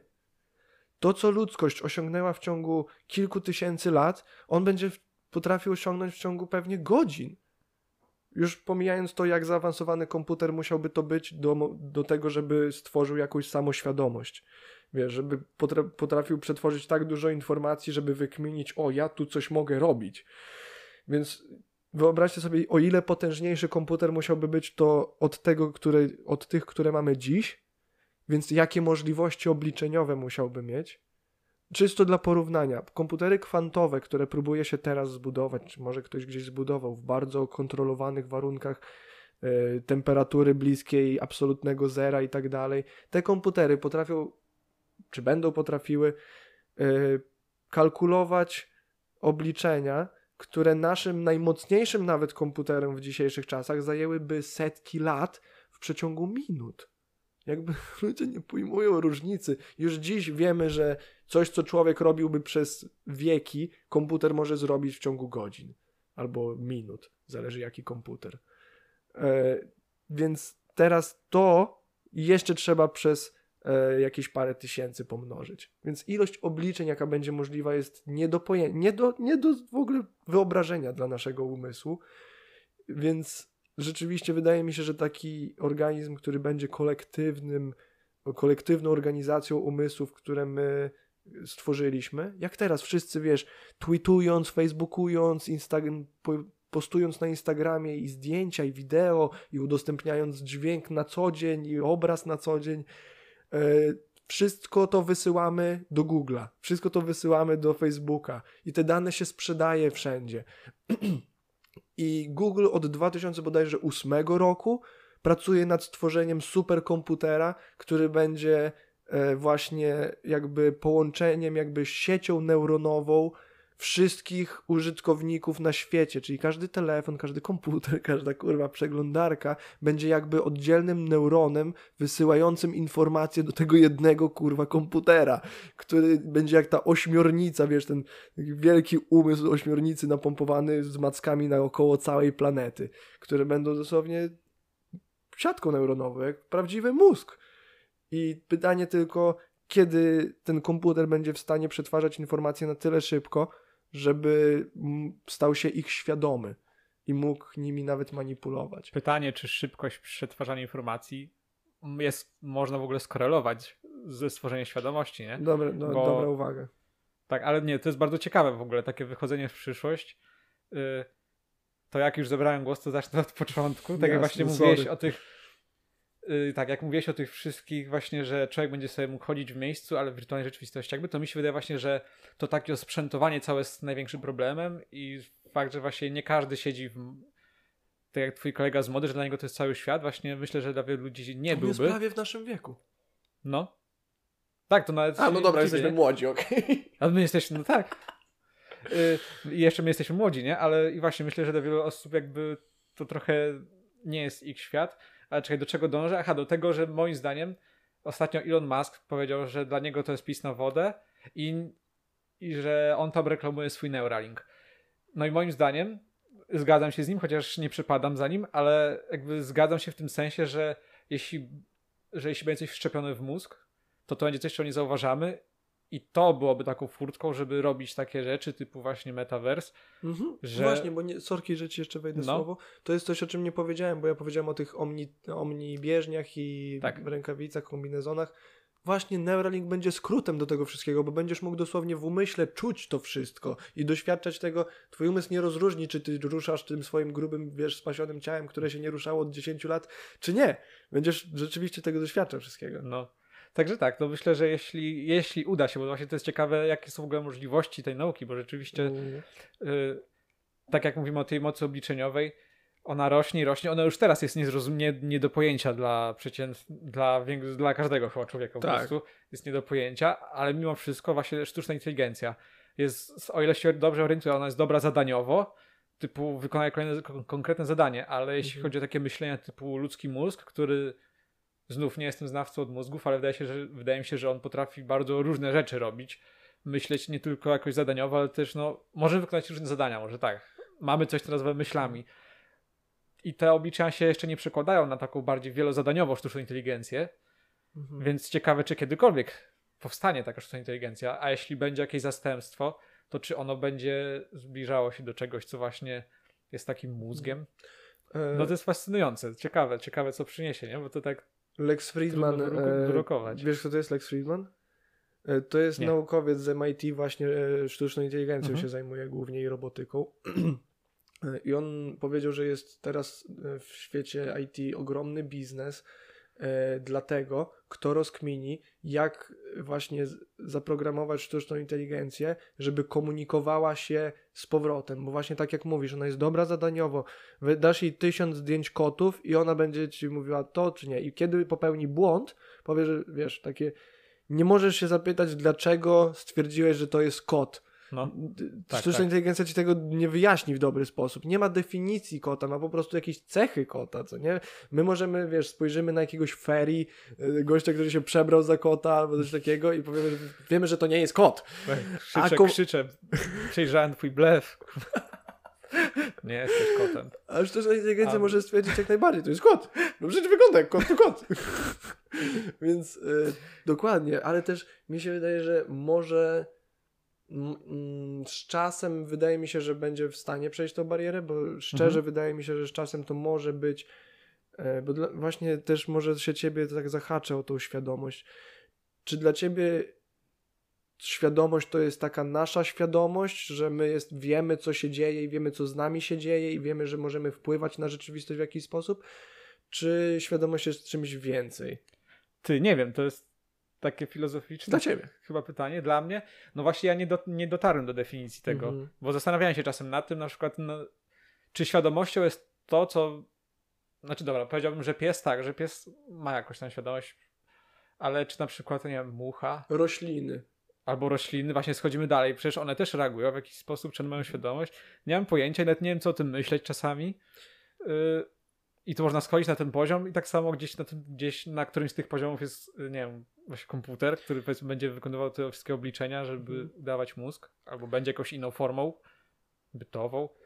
Ty, a czym jest, no i czym jest dla mnie ta świadomość? To nawet, no nawet nie wiem, jak odpowiedzieć. Szczerze, dla... wymyka się trochę w moim, ja... moim myśleniu. To jest dla, dla mnie po prostu, wiesz, ja dosłownie się tym zajmuję tak w swoim życiu. Dla mnie wszystko się sprowadziło do, do słowa, e, że jestem czegoś świadomy. Ponieważ jeżeli ja jestem czegoś świadomy, to wiem, że to się dzieje i mogę, mogę na to zareagować. Nie muszę, mogę na to zareagować.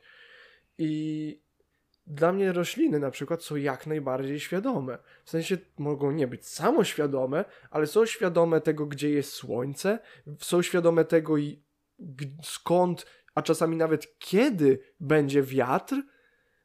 Są takie niesamowite przejawy świadomości roślin. Zaraz ci dam ze dwa przykłady. E, czy chociażby wiedzą, słyszą nawet, kurwa, do, do, do, dowodzi się, no. że rośliny słyszą. E, dowodzi się też tego, że ro, rośliny rozumieją ton, ton głosu, jakby wibracje e, z zewnątrz. No. I już ci daję parę przykładów. Jest chociażby drzewo jakieś w Afryce, które kiedy słyszy dźwięk rozłupywanych, gryzionych jego owoców, zmienia smak ich. Dosłownie, zmienia ich smak i zmienia ich profil smakowy. Ostro. Stają się kwaśne. No. To, to jest niesamowite. Więcej m, słyszą, gdzie woda płynie. E, zrobiono doświadczenie, gdzie wiesz, e, zrobili taki prześwitujący, prześwitujący akwarium, tam korzenie jakiejś rośliny i taki strumyczek wody puszczono. I te, roś, te no oczywiście korzenie rosły w stronę tego strumienia. Nagrano dźwięk tej płynącej wody pod ziemią i puszczono go w innym miejscu, zabrano tamtą wodę i te korzenie zaczęły rosnąć w stronę dźwięku płynącej wody. To ostro. Czyli to... co pewnie jakieś, no tak, dźwięk to wibracje, czyli ale my też kurwa tak słyszymy dźwięk. My no. też poprzez wibracje dekodujemy zmysł, dźwięk, dokładnie. Po prostu nasz mózg inaczej nam to gra w głowie, a dla nich ich narzędzia inaczej to prosperują. Czyli to... co, świadomość to mózg może? W sensie? Świadomość to mózg? Nie, właśnie. W sensie kwiat nie przetwarza tych informacji jakoś centralnie, tak? Przez układ, tylko ma, powiedzmy, jakieś, jest tak zbudowany, że, no nie wiem. Dla kurde, mnie dosłownie, tak teraz sobie, dla mnie wiesz, dosłownie świadomość, dlatego próbuję ja sobie wytłumaczyć. Dlatego ja wierzę w dzieloną świadomość. Bo dla mnie świadomość jest po prostu jak powietrze, kurwa, jak siatka. O, jak siatka informacji. Wyobraź sobie, że każdy atom, każdy kwancik, każdy wszystko na świecie jest połączone ze sobą i tworzy taką siatkę, wiesz, w której my się obracamy. I nasz mózg jest jak takie radio. Jest jakimś narzędziem do właśnie organizacji tej, tej siatki, tego chaosu kompletnego. Bo gdybyśmy zobaczyli te pierdyliardy kwantów, kurwa, które mamy wokół siebie w tej chwili i w sobie i tak dalej, no. to byłby chaos, kurwa. To byś dosłownie widział siatkę, kurwa, tylko. Byś widział, nic byś nie widział. Więc my widzimy część tego wszystkiego. Jak też są stany kwantowe w ogóle, wiesz. Jak masz jądro atomowe, to nie jest tak, że sobie lata y, ten elektron dookoła. Tak naprawdę to jest taka, masz taką chmurę wokół tego atomu prawdopodobieństwa. Tak. I masz szansę, gdzie, że gdzieś on tam po prostu będzie. Więc wyobraź sobie, że widzisz wszędzie tą chmurę, kurwa. Nie, widzisz tylko jedną możliwość z, tych, z tego wszystkiego. A ten cały chaos, którego nie widzimy, cały czas wokół nas jest. Eee... Kurwa, zgubiłem wątek znowu. Mówiliśmy o świadomości. Okej, okay, świadomość, właśnie, dzielona. Więc rośliny po prostu mają inne narzędzie do interpretowania tej chmury. One nie widzą drzew wokół siebie i tak dalej. One może nawet nie wiedzą, że są kwiatami. Na pewno nie wiedzą, że są kurwa. No, chuj wie, nie wiem. Wydaje mi się, że nawet nie muszą wiedzieć, że są kwiatami, ponieważ w ich tej sferze mentalnej są bogami, są wiesz, aniołami, mogą być tak piękne, jak tylko my sobie nie możemy wyobrazić, albo tak brzydkie, jak możemy sobie tylko wyobrazić. Wiesz, mogą być taką postacią, jaką tylko chcą. Kiedy zamykasz oczy, wiesz, jak ludzie niewidomi jak, wiesz, można porozmawiać z kimś, kto jest całe życie niewidomy jak jego zdaniem wygląda świat? Nie rozmawiałem, ale brzmi, brzmi ciekawie ten pomysł. ty, to bardzo ciekawie brzmi, założę się, że na necie są jakieś takie wywiady. Pewnie tak. W sensie jak, ale też nigdy... Ale też w sumie y, kojarzę taki filmik, że dziewczynka, która zaczęła słyszeć czy coś takiego. Tak. I... Mnóstwo. Na Janengaga oglądam i widzę coraz filmik, gdzie ktoś widzi nagle kolory albo nagle słyszy. I się to wzruszam często. To zdumienie, nie? W ogóle, że wow, w ogóle what the fuck, nowy, nowy sposób postrzegania. Tak. To, ale Ostro. ja naprawdę ci mówię, ja, ja, tak często się wzruszam, jak coś takiego widzę, ponieważ nie, nie wyobrażam sobie nie mieć dostępu do tak kluczowego aspektu rzeczywistości. No, jaki po prostu taki krystaliczny, czysty ból i szczęście musi być wyrażone w takim momencie. No, ja na przykład właśnie się czasem zastanawiałem, co było najsmutniejsze. No, chyba właśnie utrata słuchu. W sumie nie wiem, ciężko jakikolwiek zmysł wskazać. Wolałbyś, ale wolałbyś stracić wzrok niż słuch? Ja lubię słuchać muzyki bardzo. Pojebało ale to jest w życiu. 100% nie, Wiesz jak patrzenie, patrzenie przez jest jeden nudne. dzień chodź z zamkniętymi oczami. Ją, takie... Nie twierdzę, że to będzie łatwe, nie? Ale wybierać. To ja się zgadzam, nie? Ja w ogóle współczuję komukolwiek, kto nie ma wzroku. Ale z drugiej strony on też jakoś patrzy inaczej. To jest zły temat, który podjąłem. Chciałem tylko powiedzieć, że y, jakbym miał wybierać, to chyba bym wolał słuch.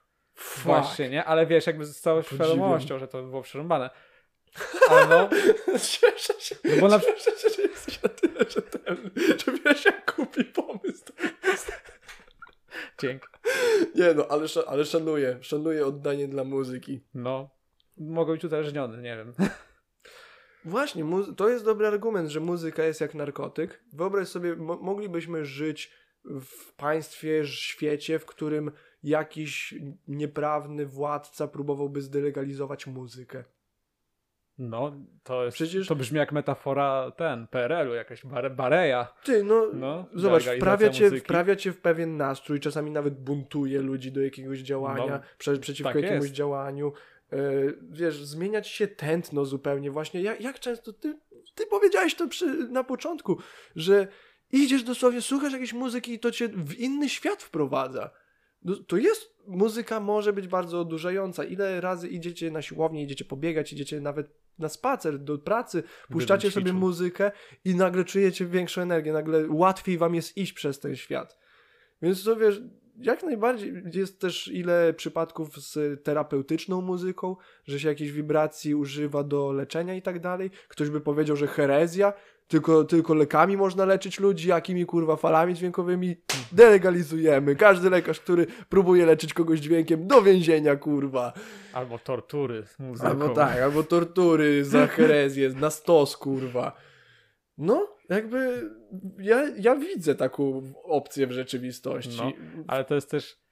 Y, też mnie fascynowało, bo czasem się zastanawiam, czym w ogóle jest muzyka. Przecież muzyka mm. nigdy nie istnieje tu i teraz. W sensie, no może jako ciąg jako ciąg, yy, powiedzmy, zer i jedynek, które są w pliku audio, nie?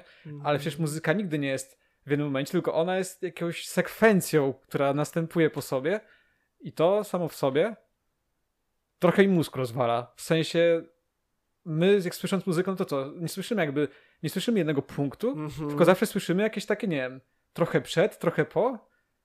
Wiesz, bo ja sobie muzykę Rozumiem, jak, wiesz, jakby rezonans w swojej głowie taki. No i mnie to zastanawia, jak, wiesz, jak, to, jak działa muzyka w ogóle, no bo mhm. jak oglądasz, powiedzmy, nie wiem, nagry, nagrywasz teraz ten plik audio, no to widzisz jakby te fale dźwiękowe i jest ta jedna kreska, która wskazuje, że wiesz, tu jesteśmy teraz, nie? Mhm. I jakbyś to otwarł, ta kreska się przesuwa.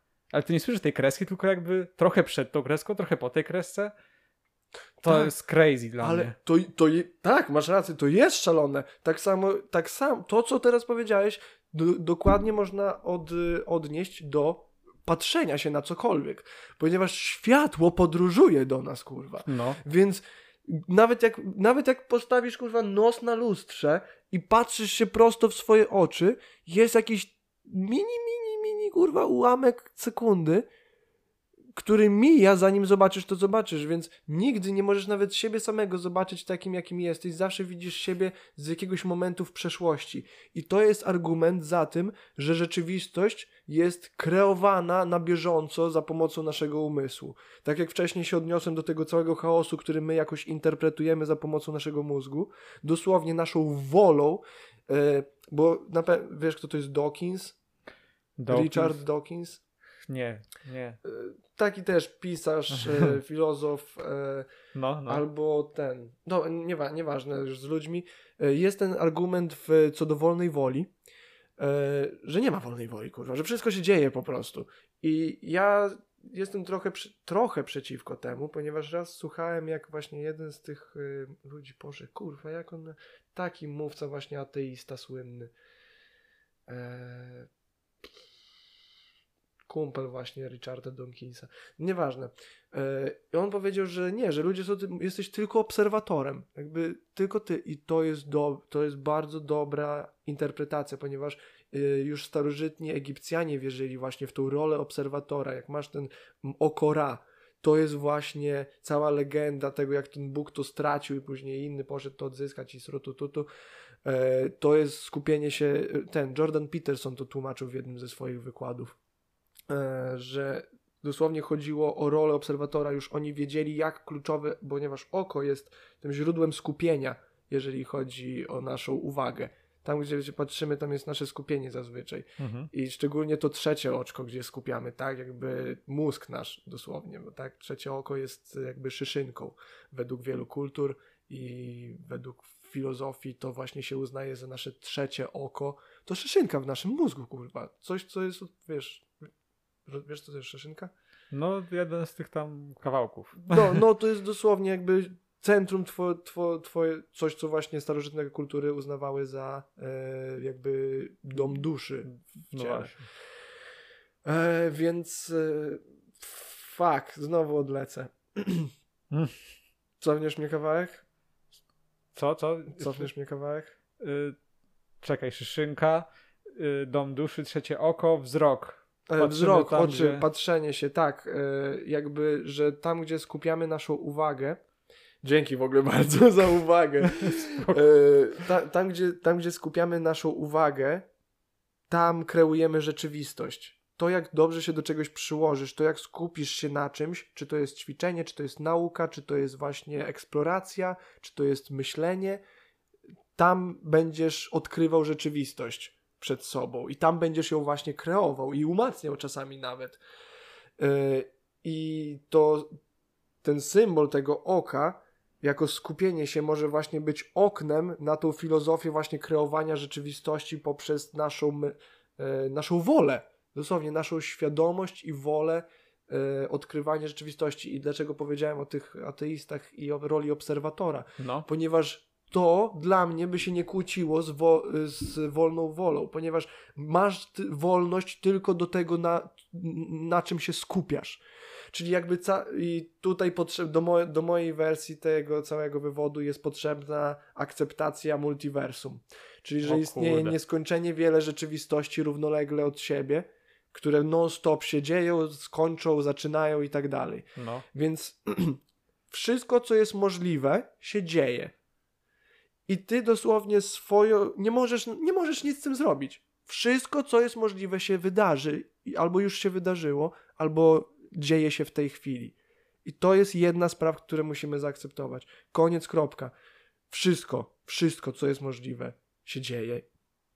I teraz ty, poprzez swoją pseudowolną wolę, rolę obserwatora, jedyne co możesz robić, to obserwować tą całą rzeczywistość. I właśnie nasza świadomość, nasza wola pozwala nam się skupiać na konkretnych, interesujących dla nas aspektach tej rzeczywistości, żeby ją właśnie w przód kreować. I do tego jeszcze bym miał wywód odnośnie końca świata i tego, jak e, może cała rzeczywistość być w kółko i w kółko symulowana, ale już nie chcecie, nie, nie chcecie to wciągać. Rozumiem, ale bardzo mi się spodobała ta metafora tego, że kreujesz tam, gdzie patrzysz, bo właśnie na socjologii, przynajmniej tak, tak to zrozumiałem, że tak jest rozumiane. Znaczy, no wiadomo, różne, dział, różne teorie socjologiczne inaczej, inaczej pojmują pewne rzeczy i też jest ciekawe, że one mogą być ze sobą niezgodne i równocześnie działać, ale no powiedzmy, że taki rodzaj, który ja sobie przyjąłem tak prywatnie, to że no człowiek jest czymś, co jest sprawcze, czyli no, ta sprawczość może się różnić, ale jednocześnie jest osobą jest formą sprawczą, która wpływa na otoczenie i zarazem to otoczenie wpływa na ciebie. I to jest po prostu sprzężenie zwrotne, które działa we, we, jakby na siebie nawzajem. Mhm. I fajnie, fajnie, fajnie mi do tego pasuje ta twoja metafora, bo sobie wyobrażam takie pole widzenia i w tym polu widzenia ty coś zmieniasz, a tam, gdzie nie widzisz, to tam ciebie tam z tyłu zmieniają i na ciebie wpływają. Takie, no, Fajne. No, fajne. Tak, tak, jakby jest ten, o Boże, ja za każdym razem jak go widzę e, w necie, e, to udostępniam e, obraz Alexa Greya, właśnie artysta, który no. masz, on ba bardzo, o Boże, jest geni geniuszem artystycznym jak dla mnie, właśnie jakby takim kartografem psychodelicznego przeżycia. Mhm. Bardzo ci polecam jego pracę. Alex Grey. Tak, wszystkim polecam jego pracę. Jakby Instagram, internet, wszystko po prostu piękne. Nawet mojej mamie pokazałem i była pod wrażeniem, jaki detal i w ogóle treść tych obrazów. Piękne rzeczy. No. I jest ten jego obraz, e, nie wiem czy dobrze mówię, artysta, coś takiego, e, który przedstawia postać e, artysty przed płótnem z pędzlem. Za, za jego głową jest jakby twarz ducha, która patrzy na jego oczy i jego oczy patrzą na płótno.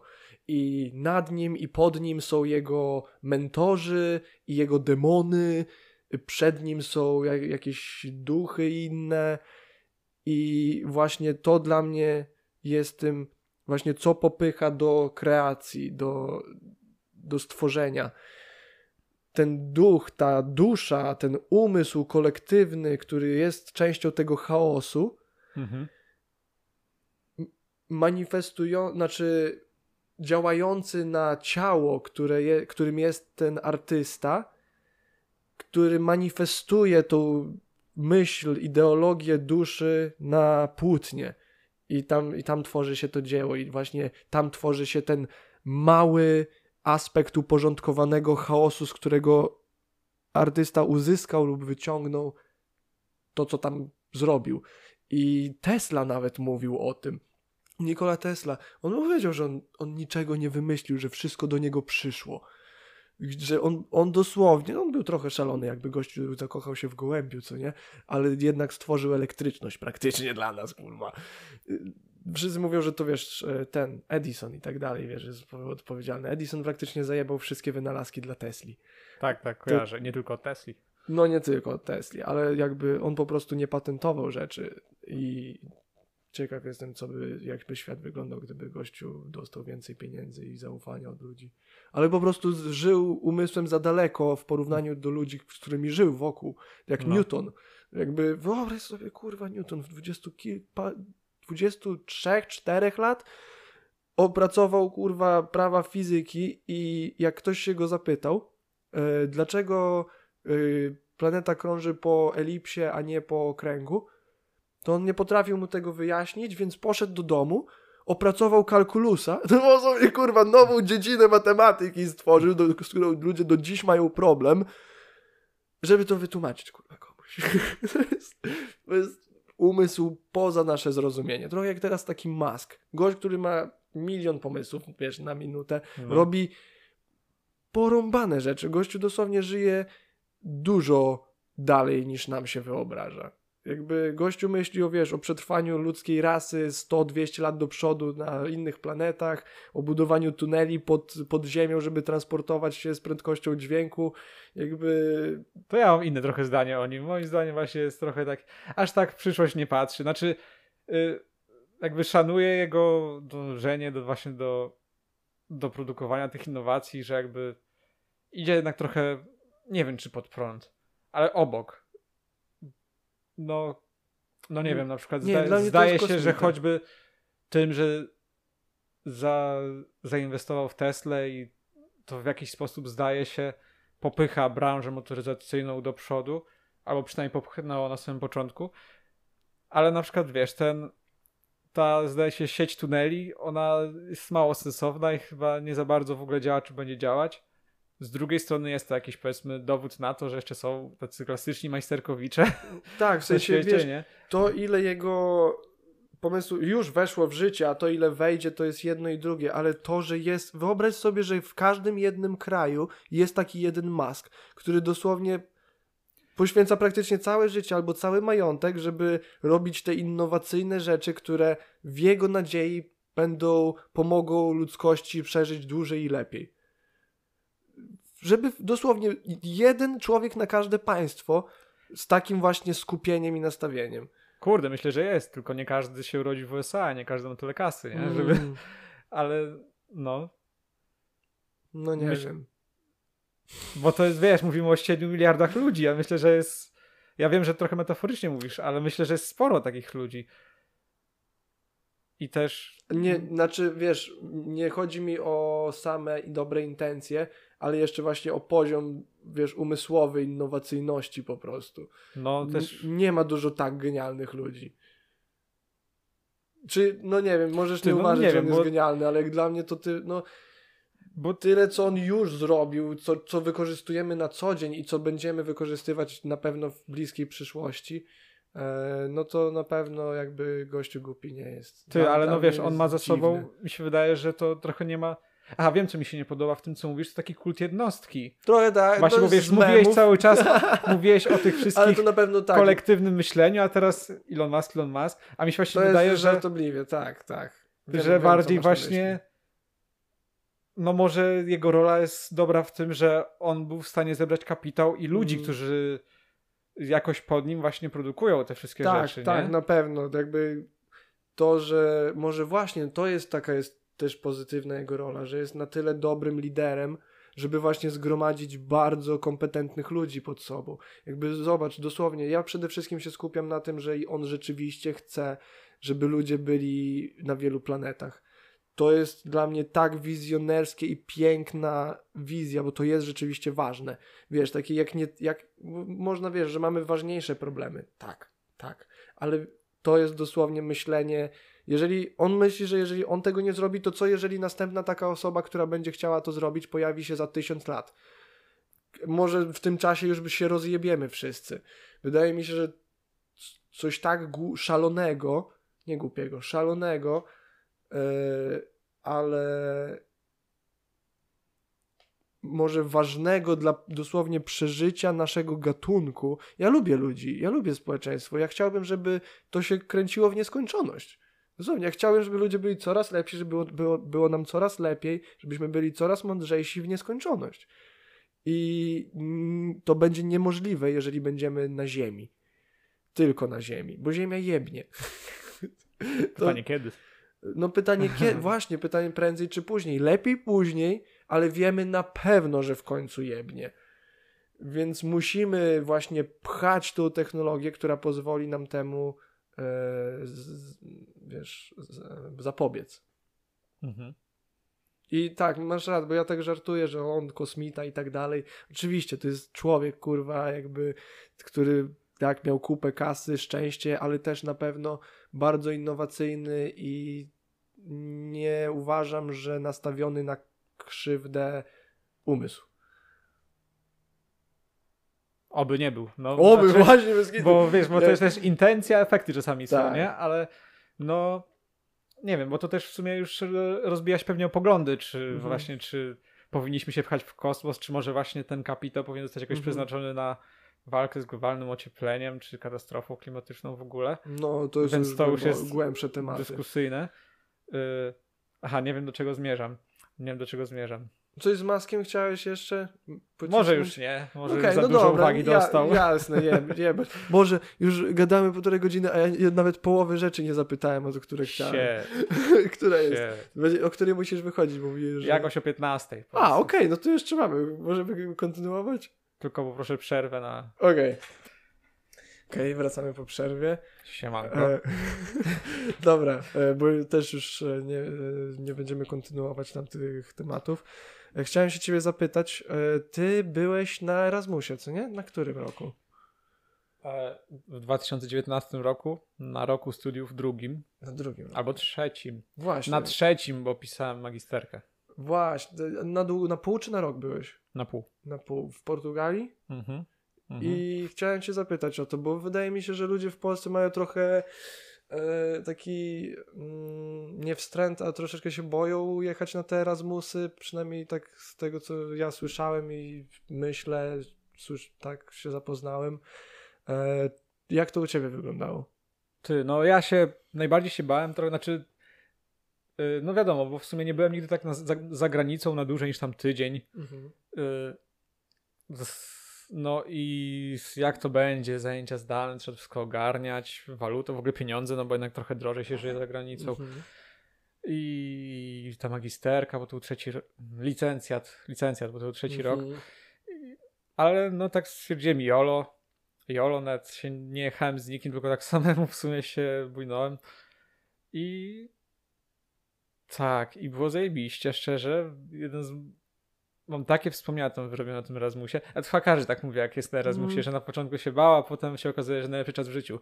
Bo Erasmus, on robi coś takiego i wydaje mi się, że trudno, do, trudno doznać tego czegoś takiego gdziekolwiek indziej.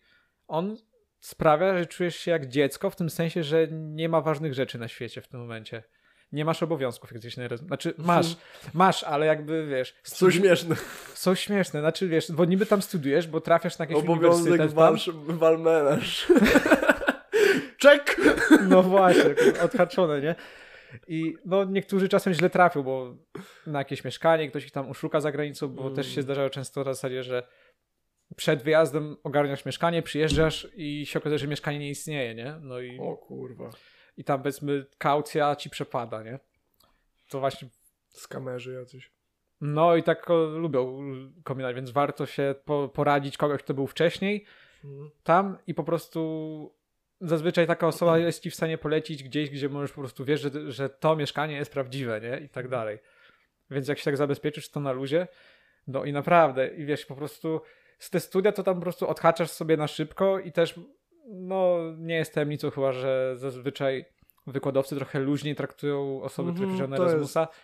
Chociaż oni o tym mówią. Chociaż też nie uważam tego za jakąś wadę, w sensie ja wciąż się nauczyłem paru, paru rzeczy tam mhm. i nawet na przykład miałem zajęcia z takim profe profesorem chyba, albo doktorem, wydaje mi się, że to był profesor, się George Pin to nazywa, bo mam z nim zdjęcie na Facebooku, bo właśnie yy, on z nami miał, teoretycznie to były takie luźne zajęcia, bo one się odbywały na serii rozmowy, ale właśnie, aha, tam chodziłem ja i taka koleżanka z Czech na te zajęcia i no teoretycznie, wiesz, żeby to było zrobione profesjonalnie, to on musiał coś tam wykład, tam byśmy pisali w zeszytach i tak dalej, ale to właśnie było na zasadzie rozmowy i on mm. po mhm. prostu tak świetnie opowiadał o tych różnych aspektach, bo, bo to były tematy turystyczne, Y, aha, tu była turystyka bodajże i historia rozwoju przestrzennego. Coś takiego. No jak on nam opowiada właśnie, jak powstawało to miasto Porto, te różne historie, ale jakby one unurzane w, tych, w tej takiej wiedzy powiedzmy naukowej bardziej. Mm-hmm. No to było tak ciekawe. To jest to coś, co naj, najlepiej wspominam z tego. Mm. I właśnie na przykład na zakończenie tych zajęć yy, mieliśmy zrobić prezentację o swoim mieście. No i wiesz, brzmi jak takie, no na odwal się, nie? Po prostu prezentacja o mieście, no beka. Ale wiesz, ale, ale on powiedział, że zróbcie prezentację o mieście, ale jakby o tym tak właśnie bardziej analitycznie, jak ono się rozwijało i ile się dowiedziałem jeszcze o swoim własnym mieście, o Starogardzie Gdańskim, które się wydaje 50-tysięcznym zapyziałym miasteczkiem. Mhm. Przepraszam w ogóle, Starogard, ale sorry. Pozdrawiamy. Przepraszam, nie, ale yy, już nie dostanę pomorzanki, nie. Bo tam mamy takie nagrody. Wieżyczanki. Nie ma szans ale... ale, ale... Zjebałeś, no to miałeś szansę. No, ale ty i właśnie, i dzięki, i on mnie tak zainspirował, mówiąc o Portugalii i tak dalej, że ja się zagłębiłem wtedy w swoje miasto mm. i jak ono się rozwijało, że jako, jako osada w ogóle zakonu chyba Krzyża Maltańskiego, która potem została kupiona przez Krzyżaków, a potem no jakby stawała się tym miastem i te różne etapy, przez które przechodziła różne jakby posiadanie, bo to był właśnie zakon, potem Polska, potem Prusy, mm. potem znowu Polska i jak to wszystko wpływało na rozwój miasta, to jest tak fascynujące. Jak ja to opowiadałem, to aż sam byłem ciekawy. I widać było, mhm. że go też autentycznie cieka ciekawiło, jak my przedstawiliśmy. Koleżanka mm. o Pradze, nie, o drugim mieście. Jakie jest drugie, duże miasto w Czechach? Nie pamiętam. Przepraszam, again. No. I także no, kurde, zajęcia były ciekawe. Na Erasmusie, studia były ciekawe, nie? I to, co było poza studiami też było ciekawe, bo akurat... A jeszcze sorki, o, na dobrze. Na jakim uniwersytecie ty byłeś? Y, I Szczet, i Szczet to był to był y, nie uniwersytet, znaczy to był uniwersytet, to była wyższa szkoła jakoś zarządzania i turystyki, nie pamiętam, okay. jak się tłumaczyła na polski. Tak, ale to nie, był to nie był uniwersytet w Porto, tylko to była taka mniejsza uczelnia. Okay, okay. Ona przypominała trochę liceum w zasadzie, to, bo ona była w takiej kamienicy, zajebiście, bo była w centrum praktycznie miasta i ja też mieszkam niedaleko, więc cały czas na Starówce żyłem. Znaczy, tam... Mówiłeś o tych mieszkaniach, jak tobie się trafiło z mieszkaniem? Też jest fajna historia, bo właśnie... Yy, zna, pewna znajoma była w Porto właśnie rok temu i ona mi poleciła, mhm. że w Porto, bo ja tak sobie myślałem, kurde, do Lizbony byłoby fajnie, ale w Lizbonie już miejsce zajęte, tylko to Porto jest. On mówi, to mm. Porto jest mega, idź do Porto, nie? No i poleciła mi właśnie kontakt do takiej kobiety, która wynajmuje mieszkania zagranicznym studentom. Yy, powiedzmy na korzystnych warunkach. Mm -hmm. I, I tak ja się skontaktowałem z tą kobietą, tam wszystko się udało załatwić. Yy, przy, właśnie w dobrej lokalizacji, bo praktycznie, nie wiem, kilkadziesiąt metrów od y, tramwaju i, i właśnie przy samym rynku, starym mieście i jeszcze się okazało, że niedaleko mojej uczelni i tak, i jakby ja tam już dotarłem na miejsce, w ogóle tak, e, wiesz, wysiadam z lotniska, z lotniska tramwajem się pod same drzwi, jakby dzwonię do drzwi i mówię, że y, Dominik, to ja. coś tam, to ja, wiesz, że już jestem. Ja wchodzę na górę, nie? I mi otwiera y, znajoma z mojego kierunku, tylko rok wyżej. O! I ja tak w ogóle, co się stało w tym momencie, nie? Co się stało? A się okazało, że ona już nie studiuje rok wyżej, tylko ona się przeniosła do innego miasta i ona z tego innego miasta pojechała na Erasmusa właśnie do Porto i trafiła do tego właśnie mieszkania, w którym ja miałem mieszkać. Boże, jaki mały świat. Jaki mały świat, nie? I kurde, ja po prostu już, już wiedziałem, nie? Że to będzie coś. Mm. I potem jak się zaczęli zjeżdżać inni, bo my byliśmy we dwoje pierwsi, to zrobiła nam się taka ekipa, że dwóch Holendrów było, w ogóle mega spoko ludzie i jeszcze raz, dwa, trzy, jeszcze trzech Polaków. Mhm. Tak. I jeszcze trzech? Jeszcze trzech, czyli o. było nas siedmiu w mieszkaniu. Tak, ale to było takie duże mieszkanie, w sensie był taki ono też miał taki fajny układ, taki sprzyjający życiu w melanżu, mhm. bo to był taki długi korytarz, jak klatka sodowa trochę, no. trochę, tylko że on był odcięty, to normalnie był dywanik w ogóle i był jakby, wiesz, był jeden pokój, drugi pokój, trzeci pokój, i czwarty pokój. Jeszcze dwa pokoje, trzy pokoje były duże, jeden był mały, w którym byłem ja. Mm-hmm. Więc fajnie, bo miałem trochę prywatności, której mm-hmm. jednak mhm. trochę potrzeba. Im tam współczuję, że co, bo mi musieli spać. No. Ale jeszcze do tego był właśnie salon połączony z kuchnią i taki, bo to była stara kamienica i był taki jakby taras. On, to było jakby takie półkoliste wcięcie w salonie i tam był tak jakby taras. I co prawda było tam zajebiście zimno, bo te okna były totalnie nieszczelne i tak dalej. W ogóle w Portugalii się nie ociepla za bardzo mieszkań. Ty znaczy zimowym czy letnim byłeś? Zimowym. Okej. Okay. I tam, tak, i tam co prawda nie jest jakoś mega zimno, bo ta temperatura poniżej zera nie schodzi. To jest raczej tam 7, 3, 8, 10, jak wejdzie słońce to 15, ale jest wilgoć duża i to wchodzi mocno i te okna tam są bardzo nieszczelne i nawet jak jest jakieś takie mieszkanie powiedzmy bardziej profes... nieprofesjonalne, legitne, no takie, gdzie ludzie żyją, mhm. to wciąż jest zim, zimno zimą i ludzie w kurtkach mm. siedzą. No to taka po prostu... Ale w, za to w latem jest trochę większy chłodek, nie wiem. Mm, Ty, no ale trafiłem z tym mieszkaniem mega, mega. I właśnie taką ekipę zbudowaliśmy z tymi ludźmi. Do teraz otrzymamy kontakt, się tam spotykamy parę razy w roku. Super. Nie są A to super. oni tak rozsiani po Polsce, czy gdzieś? Mhm. Tak, właśnie Y, część z Podlasia, część z Łodzi. Tak. No ta koleżanka z Gdańska to wspominałem, chociaż ona mieszka tutaj, w Toruniu. Aha. To jak z Gdańska? Z jakiegoś powodu tam studiowała. A, no, dobra, to nie, no, okay. no bo tam, no. Ale właśnie, a z kasą jak? W sensie musiałeś tak oszczędności, jeżeli mogę zapytać w ogóle, musiałeś, musiałeś oszczędności ściągnąć, czy to, co tam dostawałeś z Erasmusa e, szło? Ściągnąłem oszczędności, ale to tak działało, że pieniądze, które dostawałem z Erasmusa wystarczyłyby na życie tam. Mhm. Wystarczyłyby na... Mieszkanie, żarcie. Na mieszkanie i oszczędne żarcie, czyli tam powiedzmy bez chodzenia do restauracji. Mhm. Natomiast... Yy, oszczędności się przydały na właśnie powiedzmy takie jakieś gdzieś tam pójście, gdzieś, gdzieś tam przekąsić. Na przykład bardzo lubiliśmy chodzić na sushi, bo była, było takie, chyba Tokio Sushi się nazywało. Mm. I tam płacisz raz, jesz ile chcesz. Oh. I A ile płacisz raz? Jak nie pamiętam, 10 euro? Bitch. No. To jest nic, what the no fuck? Za ile chcesz jeść sushi? Co prawda tam był jakiś limit, że na przykład max 50 rolek, coś takiego, albo tam 20, okay. ale my tego nie przez... Dobra, 50 rolek nikt by nie zjadł. ale... nie, tak, jasne, Nigdy tego nie przestrzegaliśmy. Szliśmy ale, to po 100.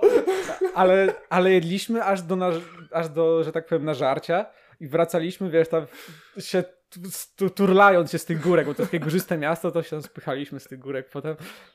No, rozumiem. No naprawdę. I tam raz na jakiś czas po prostu szliśmy się napchać, ale aha, i te pieniądze właśnie, wracając do pieniędzy, to te dodatkowe pieniądze, oszczędności przeznaczałem na wycieczki, które były mm. drugą taką rzeczą, której na co dzień nie robisz na studiach, no. bo no bo kurde, jesteś w tej Polsce, no to jakoś tak nic nie motywuje za, bar za bardzo. No to no jest kwestia nastawienia na każdy pewno. Każdy jakby wyjazd rozumiesz, że wiąże się, nie wiem, tu z odłożeniem pracy, tu z właśnie wydaniem oszczędności, Dokładnie. tutaj z poświęceniem innego wydatku na rzecz tego i no, masz te wszystkie... A na Erasmusie wszystkie obowiązki są zawieszone, Polska się nie interesuje generalnie i żyjesz, żyjesz chwilą mhm. I jak, wykorzystać. I każdy po prostu, wiesz, jeśli, kurde, co by tu zrobić? Jesteś w Portugalii, wiesz, jak to wykorzystać? No i wiesz, tutaj wycieczka, wycieczka do Lizbony, wycieczka do Hiszpanii, bo samolot tani. Z Portugalii są mega dobre połączenia na Maderę i na Azory.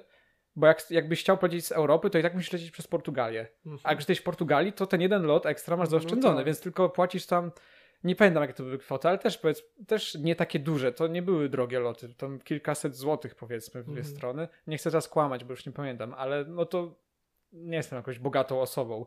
No, no, no. Y I właśnie organizowaliśmy sobie te wycieczki. No ale to też właśnie Madera, jakby ko mega, mega. korzystasz jakby z tego doświadczenia, że właśnie masz jakby już ułatwione warunki, masz już lepsze warunki do, do tych inwestycji, tak? Bo to inwestujesz w swoje życie, swoje doświadczenie, swoje, swoją edukację też, no bo jakbyście nie, nie zauważyli, to podróże kształcą, tak? To nie jest o, tak. głupie przysłowie, to jest stuprocentowo prawdziwe przysłowie, tylko właśnie podróże, w sensie musisz jechać, coś ogarnąć, gdzieś coś zobaczyć, bo wiesz, jeżeli ktoś zapłaci ci za, e, za całą podróż, wsadzi cię w autobus, samolot, w hotel, na leżak przed basen i później to, to samo tylko z no powrotem. No właśnie, jest ta turystyka taka refleksyjna i bezrefleksyjna, nie? Też. No, no nie, nie wiem jak takie podróże mogą kształcić. Nie wiem czy w ogóle mogą. No na Erasmusie też o tyle fajne, że nawet jak nie jeździsz na żadne podróże, to będąc w tym kraju, no nie unikniesz. No. Tak, właśnie. Wchodzisz w interakcję z ludźmi w sklepach, tam nie wiem, Dokładnie. ze studentami innymi. Ja mieszkałem, nie unikniesz tego. Najwięcej co tak w życiu właśnie gdzieś w innym kraju mieszkałem, to byłem dwa miesiące w Holandii mhm. e, w pracy. I też, no po prostu żyjesz w innym świecie, nagle widzisz, że jest inna kultura, że ludzie gdzieś indziej żyją inaczej i też żyją. I może nawet żyją lepiej. Co nie? I takie mo możesz to usłyszeć, możesz się tego dowiedzieć, możesz to zobaczyć na filmie, ale właśnie pojedź tam kurwa chociaż miesiąc spędzić, co nie? Tydzień tydzień, może trzy tygodnie. Ja to mówię. Tak, żeby, tak, żeby musieć zrobić zakupy. Tak, żeby musieć zrobić zakupy, żeby musieć coś ogarnąć. E, ja to mówię trzy tygodnie, bo jak miałem e, kiedyś, e, jak już pracowałem, tak powiedzmy regularnie, przez dłuższy czas i wziąłem sobie miesiąc wolnego, żeby skończyć licencjat, co nie? Tam się obronić i tak dalej, więc wziąłem ten miesiąc wolnego sobie i przez ten miesiąc wolnego zrozumiałem, dlaczego dają tylko dwutygodniowe urlopy. Bo po trzech tygodniach zaczynasz się zastanawiać, co ty kurwa robisz ze swoim życiem. No. Dosłownie. I tak mi się wydaje, że na wyjazd właśnie na zrozumienie tej innej perspektywy życia dosłownie, e, też te trzy tygodnie. Trójka, magiczna liczba, co nie? Też jakby mały to wykminiłem, że żeby się do czegoś przyzwyczaić wystarczą trzy dni. Jeżeli przez trzy dni robisz to samo, wiesz, regularnie to samo, to no. już masz wrażenie, że jakbyś to robił, kurwa, nie wiadomo ile czasu. Ciekawe, muszę zacząć liczyć teraz. No, no coś to może być. Jak na przykład, nie wiem, idziesz, yy, weźmiesz sobie inną drogę z powrotem ze szkoły czy no, z no. pracy. No. Trzy razy to I już nawet. trzy dni z rzędu będziesz to robił, to już będziesz miał wrażenie, jakbyś już, to już nie jest nowa, nowa no tak, tak, tak, grupy ludzi. To jedna osoba jest sama, dwie osoby są w parze, a trzy to już społeczeństwo. Tak. to już różnica opinii. No i, i, wtedy nie jest łatwo. No, ale, ale tak, tak. Ale to jest to fajne. Trójka, no. Ja lubię to porównanie do trzech ludzi, jak już to zarzuciłeś. Nie wiem, czy to miałeś na myśli, czy o tym słyszałeś, ale to gdyby na świecie była trójka ludzi, gdyby na świecie, to jest fajna analogia, taka gdyby na świecie była trójka ludzi, to jakie ustalilibyśmy zasady? Bo teraz, wiesz, ja często narzekam na prawo. Ja wiem, że akceptuję to, że prawo jest potrzebne i organizuje społeczeństwo i bla, bla, bla. Tak, ale jako konstrukt i jako narzędzie manipulacji społecznej jest to dla mnie no, spaczony aspekt rzeczywistości. Prawo, kurwa, ponieważ prawo jest napisane dla ludzi najgłupszych, a ludzie najbardziej wpływowi mogą je najbardziej naginać. Czyli jest takie, no nie jest idealnym konstruktem. Z tym się chyba ze mną nawet każdy prawnik zgodzi, że prawo nie jest idealnym konstruktem. No to, to Co nie, nie tak. E, więc jakby to. Fak, znowu wylecę z argumentu.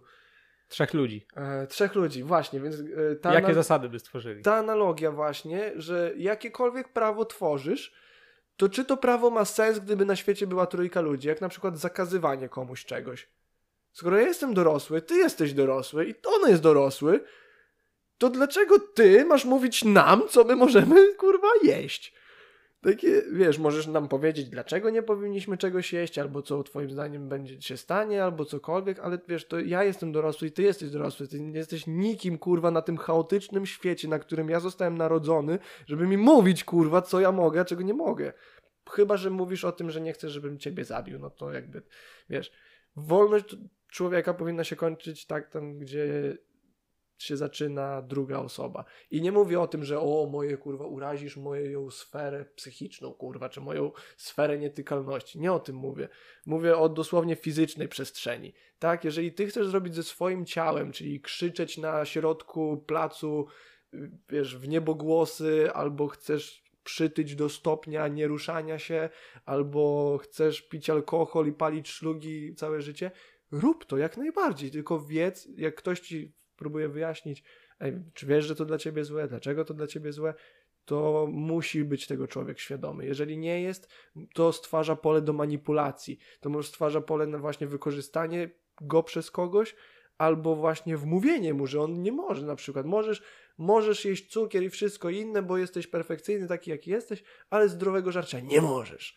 I teraz wiesz, weźmy, że w jakimś abstrakcyjnym świecie coś takiego się dzieje. Znowu, kim ty kurwa miałbyś być dla kogoś, żeby mi mówić, co ja mogę? Jak teraz podczas pandemii. Możesz zrobić wesele, ale do 20 osób i nie możecie tańczyć. Kurwa, jak ja to przeczytałem, miałem takie, wyobraź sobie poziom ego. Wyobraź sobie, za kogo kurwa musisz się uważać, żeby myśleć, że możesz ludziom mówić, czy mogą tańczyć, czy nie. Ale grząski grunt wprowadziłeś tu. Może ale, tak, ale dla mnie to jest no, pojebane. W sensie ten aspekt prawa o, jest no. dla mnie pojebany. W sensie Czyli, ja... że ingeruje za bardzo w jakieś nieszkodliwe, tak? Że... Tak, ingeruje zby, za bardzo w wolność i suwerenność ludzką. Jeżeli ktoś jest artystą i chce prowadzić jakąś ekspresję siebie, jeżeli ktoś chce mówić rzeczy, które są pojebane, to niech znajdzie się ktoś inny, kto powie coś mądrzejszego. Nie zabraniajcie mu mówić głupich rzeczy, ponieważ jedyny, wiesz, on znajdzie, tak samo jak wcześniej mówiliśmy o tych creepach, którzy stalkują ludzi, on znajdzie sposób, żeby to robić. Mhm. Więc jedynym sposobem na pomóc, na poprawę tej sytuacji jest jakby wyłożenie tego na zewnątrz. Jeżeli, tak samo, o, jak w Portugalii, wszystkie narkotyki są legalne, zdekrim, zdekryminalizowane. Chyba nie wszystkie, ale na pewno na pewno możesz na przykład siedzieć z piwem na ulicy albo z marihuaną. Jeżeli chodzi o kokainę, I... heroinę, MDMA, nie pójdziesz siedzieć za posiadanie tego. Okay. Okay. Nie, pój- nie pójdziesz za to się, masz punkty, gdzie możesz testować substancje, żeby tak wiedzieć na pewno, czy bezpieczną, czystą substancję przyjmujesz, czy coś właśnie jak na przykład kokaina fentanylem e, z, e, zrażone, no. e, czy naszpikowane. To jest super podejście i dzięki temu mają jedno z, naj, z najlepiej radzących sobie jakby, są jednym z najlepszych sobie radzących społeczeństw z uzależnieniami, z tragediami rodzinnymi, z, wiesz, pod, pod na wskutek właśnie mhm. e, nadużycia substancji aktywnych. Jeżeli chodzi o aresztowania, też oczywiście, oczywiście, że jest, wygląda to dużo lepiej. Przemoc w tych yy, i kradzieże w tych miejscach są dużo niższe, ponieważ są też teraz stany, które dekryminalizują, Oregon zdekryminalizował wszystko, dosłownie wszystko i wiele stanów też już się opowiada za dekryminalizacją i legalizacją psychodelików, mhm. E, co jest też super. Najpierw do użytku medycznego i później pewnie rekreacyjnego. E, no bo w sumie wiesz, jeżeli ukrywasz coś, gdzieś tam odpychasz, zakazujesz czegoś, to po prostu wpychasz to w e, mroczną sferę, tak jak dziecku czegoś zakażesz. Zakażesz czemuś dziecku, ono będzie dalej to robiło, tylko po prostu nie powie o tym tej osobie, która mu tego zakazała. Albo nawet nikomu tego nie powie. Będzie to w sobie skrywało i cisnęło, aż do, wiesz, do dorosłości, w której będzie to wywierało na niej może rzeczywiście jakieś toksyczne, negatywne skutki. Tylko dlatego, że kiedyś ktoś powiedział jej, że to jest złe i albo zabronił jej o tym mówić. I tutaj właśnie mnie bardzo kuje i obraża struktura prawa, właśnie kiedy tylko jakiś człowiek, tylko człowiek próbuje dosłownie wpływać, nie wpływać, dosłownie kazać komuś działać i żyć w jakiś konkretny sposób. Nie, nie wprowadza sugestii, nie tłumaczy, nie. A, czyli jakby omija cały. Omi... Trochę jak kłótnia, w której nie mówisz o co ci chodzi, tylko zaczynasz rzucać talerzami. Trochę tak. Trochę Czaję, tak. No tak, rzeczywiście, tak czasem yy, państwa są, szczególnie Polska chyba, sorry Polsko, jest rządzona tak trochę dookoła, że omija ten cały proces mhm. Y, wpływania takiego bardziej organicznego. Mhm. Tylko no to tak, to się zgodzę, że no jest, samo prawo nie sprawi, że społeczeństwo się zmieni, tylko szereg działań, które mhm. muszą być podejmowane. I, I dlatego podobało mi się w Portugalii, że można przechodzić na, nawet jak nie ma pasów na ulicy. Właśnie. Takie proste Jakby... rzeczy, ludzkie, logiczne rzeczy, co nie? I też nie chcę, nie chcę wyrokować, że to w Polsce by się sprawdziło, natomiast było to, ja się czułem bardzo komfortowo w tej sytuacji nikt, i no, no też znowu nie mogę odnosić mojego ja do szerszego kontekstu, ale podobało mi się to, propsuję. Możesz. Jako, jako socjolog nie mogę, A, okay. ale jako prywatna opinia, no było fajnie. No właśnie mnie, mnie irytuje to, że jest tak dużo takich bezsensownych lub po prostu wprost skonstruowanych praw, żeby kogoś kontrolować w jakiś sposób. Albo to, że właśnie prawo jest tylko dla pewnych osób. Mhm. Teore, mhm. Znaczy teore, praktycznie. Praktycznie, bo teoretycznie jest to samo dla każdego, co nie? tak, tak. Każdy wzbudza, wiesz, jakąś parsknięcie i hum, humorystyczną reakcję, tak? Takie zdanie, że prawo jest dla każdego takie samo. No, no właśnie. No. Ale co do zmiany społecznej, tak już pod koniec zakręcając to do początku z y, wpływem technologii.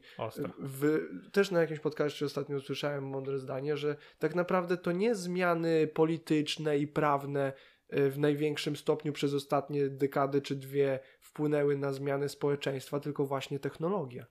Nowe technologie najbardziej wpłynęły. A w jakim kontekście to było powiedziane? Właśnie social mediów i... Ale tylko po... czy była jakaś ocena przy tym? Bo... E, nie, nie, bo to się odnosiło do wielu nowych technologii, jak okay. właśnie do tej zmiany technologii mhm. energetycznej, samochodów, komunikacyjnej i Dobrze. właśnie społecznej. To ja teraz dodam właśnie posiłkując się tym, co, tym, co studiuję, właśnie to jest, albo co chciałem studiować. Znaczy w sumie studiuję, to studia nad nauką i technologią, że jakby mhm. rozwój rozwój technologii, powstawanie innowacji nie dzieje się w próżni, więc nie jest tak, że jest jakaś nauka, yy, ta nauka jakoś, wiesz, jest jakieś coś, co jest ponad światem, które po prostu zrzuca na nas dzieła, tylko no to jest właśnie polityka sprawia, że polityka umożliwia jakieś działania, yy, biznes, który chce, któremu opłaca się coś wprowadzić, sprawia, że coś się właśnie zmienia. I myślę, że to trudno. Znaczy, ja wiem, bo to tak można to jest taki argument na zasadzie what about, nie? Ale mm. kurde, co ja próbuję powiedzieć? Próbuję powiedzieć, że to prawda, że technologia zmienia świat, ale to nie jest tak, że ona sama z siebie, tylko to jest trochę jakby, wiesz, trochę to jedno na drugie wpływa. Ona nie wynika z mm -hmm. niczego, tylko świat czy społeczeństwo równolegle tak napędza tą To jest jakby technologię. relacja. To jest właśnie, to jest relacja, a nie jednostronne działanie, dokładnie. Mm -hmm. To jest więc tak się może czepiam, ale myślę, że to warto o tym pamiętać, że właśnie, że mhm. takie stwierdzenie, że technologia zmienia świat bardziej niż polityka, myślę, że nie, że, że polityka była jednym z czynników, które wpływa na technologię i technologia w jakiś sposób wpływa na politykę. ale czy technologia jest dysruptywna? Na pewno. Czy te, nie, nie, nie sądziłbyś, że technologia chociażby w ciągu ostatnich 20 Też mówimy lat... trochę abstrakcyjnie technologia, ale no dobra. E, nie, dosłownie technologia, internet, jakby now, nowe systemy tak, przetwarzania informacji. No, no, no to powiedzmy, tak. nie wiem, technologie cyfrowe, bo to jest takie dynamiczne ostatnio. Ale też i... nie, czysto mechaniczne. To, że maszyny zaczynają zastępować ludzi w, wiesz, w pracy fizycznej no. i tak dalej. Dosłownie cała technologia y, wywiera większy wpływ na ludzkość niż polityka. Bo polityka jakby zawsze się ciągnie, wiesz, na ogonie społeczeństwa, czyli jakby te ostatnie, najbezpieczniejsze decyzje, jakie mogą być podjęte, nie te najbardziej innowacyjne i błyskotliwe, tylko te właśnie najmniej są e, wprowadzane. Ty, no jak, nie wiem. Jakby zawsze polityka była dużo za technologią. Zobacz, że nie mamy żadnych właśnie jakby ustaleń prawnych co do social mediów, co do wpływu tych Ty, korporacji no, no. medialnych. To z drugiej strony, po co, po co korporacjom tyle lobbingu, skoro polityka jest z tyłu? Ja myślę, że polityka jest z przodu. No tylko... o, chociażby lobbying, czy to nie wpływa na to, że to technologia kieruje polityką? W tym sensie tak, w tym sensie ludzie, którzy w tym sensie ludzie, powiedzmy, którzy mają jakieś y, zasoby typu są prezesami korporacji, wywierają wpływ na politykę, mm -hmm. ale też ta polityka jest jakimś hamulcem. To nie jest tak, że oni robią co chcą, chociaż też właśnie z nią czytałem, jest takie pojęcie permissionless innovation, czyli takie innowacja bez zezwolenia, że robisz co chcesz. I to co prawda nie, i nie chodzi o to, że nie ma żadnych przepisów, ale na przykład właśnie USA dotychczas było właśnie bardzo pobłażliwe w sensie, co mogły korporacje typu Google, mhm. Facebook robić. A teraz kurek jest trochę zakręcany, szczególnie, że teraz Unia Europejska się trochę stawia. Mhm. Więc też dalej będę stał na stanowisku, że polityka ma jednak rolę istotną i nawet jeśli jakby trochę. Oczywiście, jeśli wie się, nawet jeśli właśnie uchyl, pozwalała na więcej, to nie dlatego, że była z tyłu, tylko właśnie dlatego, że nie wiem, była z przodu, ale właśnie trochę zamknęła, przymknęła oczy na to wszystko, nie? Mm -hmm. Tak, tak wiesz, tak mówię, mówię o tym, myśląc o tym, jaki jest powiedzmy tok rozwoju jakichś innowacji, wiesz, jak są wprowadzane, nie? I tu znowu ja wrócę do tego no. uf, y, technologii jako ufolutka, którego jakby, któremu ciało budujemy. Y, dla mnie trochę, trochę tak jest. Wydaje mi się, że tak koniec końców, jeżeli ludzie się nie zespolą z technologią, to rzeczywiście ona nas przerośnie. E, pod jakimkolwiek względem. Po prostu tak jak teraz algorytmy, które my opracowaliśmy, ale już znają one nas lepiej. Nie żaden człowiek, który siedzi za komputerem, tylko ten algorytm, ten program, ten komputer zna nas lepiej niż my sami czasami. W pewnych przynajmniej chwilach, aspektach naszego życia. E, więc to jest tylko moim zdaniem kwestia czasu, aż okay. będą one lepsze. Chcesz coś wtrącić? Tak, bo też on jakby ma te dane, ale nie za bardzo wie o tym. Okej. Okay. nie? To, to jest, okay, to jest tak, różnica. Ale znowu, tu jest, cofamy się do tej mojej wersji świadomości. To jest coś, co potrafi Potencjalnie, tak. pozyskiwać i przetwarzać informacje. Jasne. Więc y, czy ono jest świadome tego, że to robi? Może nie, ale to jest jakaś forma y, świadomości, ponieważ jest to aktywne, y, aktywny system, który jakoś przetwarza informacje. To nie jest po prostu kabel, przez który te informacje płyną, tylko on coś z nimi robi ten program. Więc to już jest jakaś forma e, pseudoświadomości. E, kurczę, tyle rzeczy jeszcze chciałem z tobą poruszyć. E, wrócisz tu jeszcze pogadać, bo już widzę, że jest trzecia prawie praktycznie e, i będziesz musiał się zbierać. To rzeczywiście zleciało. E, się dobrze bawiłem. Ty, no nie, nie będę już dalej. Zostawimy to na następny raz. E, będę to kontynuował. E, dzięki wszystkim bardzo za słuchanie. Dominik, jeszcze raz pochwal się, jak e, Instagramem cokolwiek masz do ludzi do powiedzenia, proszę. Małpka domyślnik, może w końcu mi skoczył zasięgi. 20 osób no, na tą chwilę może. Tak, może chociaż 40 niech będzie. Y, no, dziękuję. Dzięki za rozmowę. Fajnie ja też, bardzo. Tobie też bardzo dziękuję, że przyszedłeś. Fascynujące tematy. E, to jest śmieszne, to jest chyba, naj, to na pewno jest najdłuższa rozmowa, pierwsza taka długa rozmowa, jaką w życiu przeżyliśmy. No, ja cię tak zawsze bardzo lubiłem i szanowałem, teraz jest to na pewno wygórowane i mam nadzieję, że to się jeszcze spotkamy niedługo. No, czekam na zaproszenie, już zrobię sobie miejsce w kalendarzu. nice. Dobra, dzięki jeszcze raz wam wszystkim. E, też wpadajcie mojego Instagrama per mój podcast. E, maila macie na Spotify'u, w informacjach na e, YouTubie. I no, piszcie, dzwońcie. obserwujcie. Nie rzucajcie tam, kamieniami. Może jestem beznadziejny. Nie rzucajcie kamieniami. Jestem beznadziejny w wszystkich hasłach social mediami. Wiecie co robić. Dziękuję wszystkim. Na razie. Pa.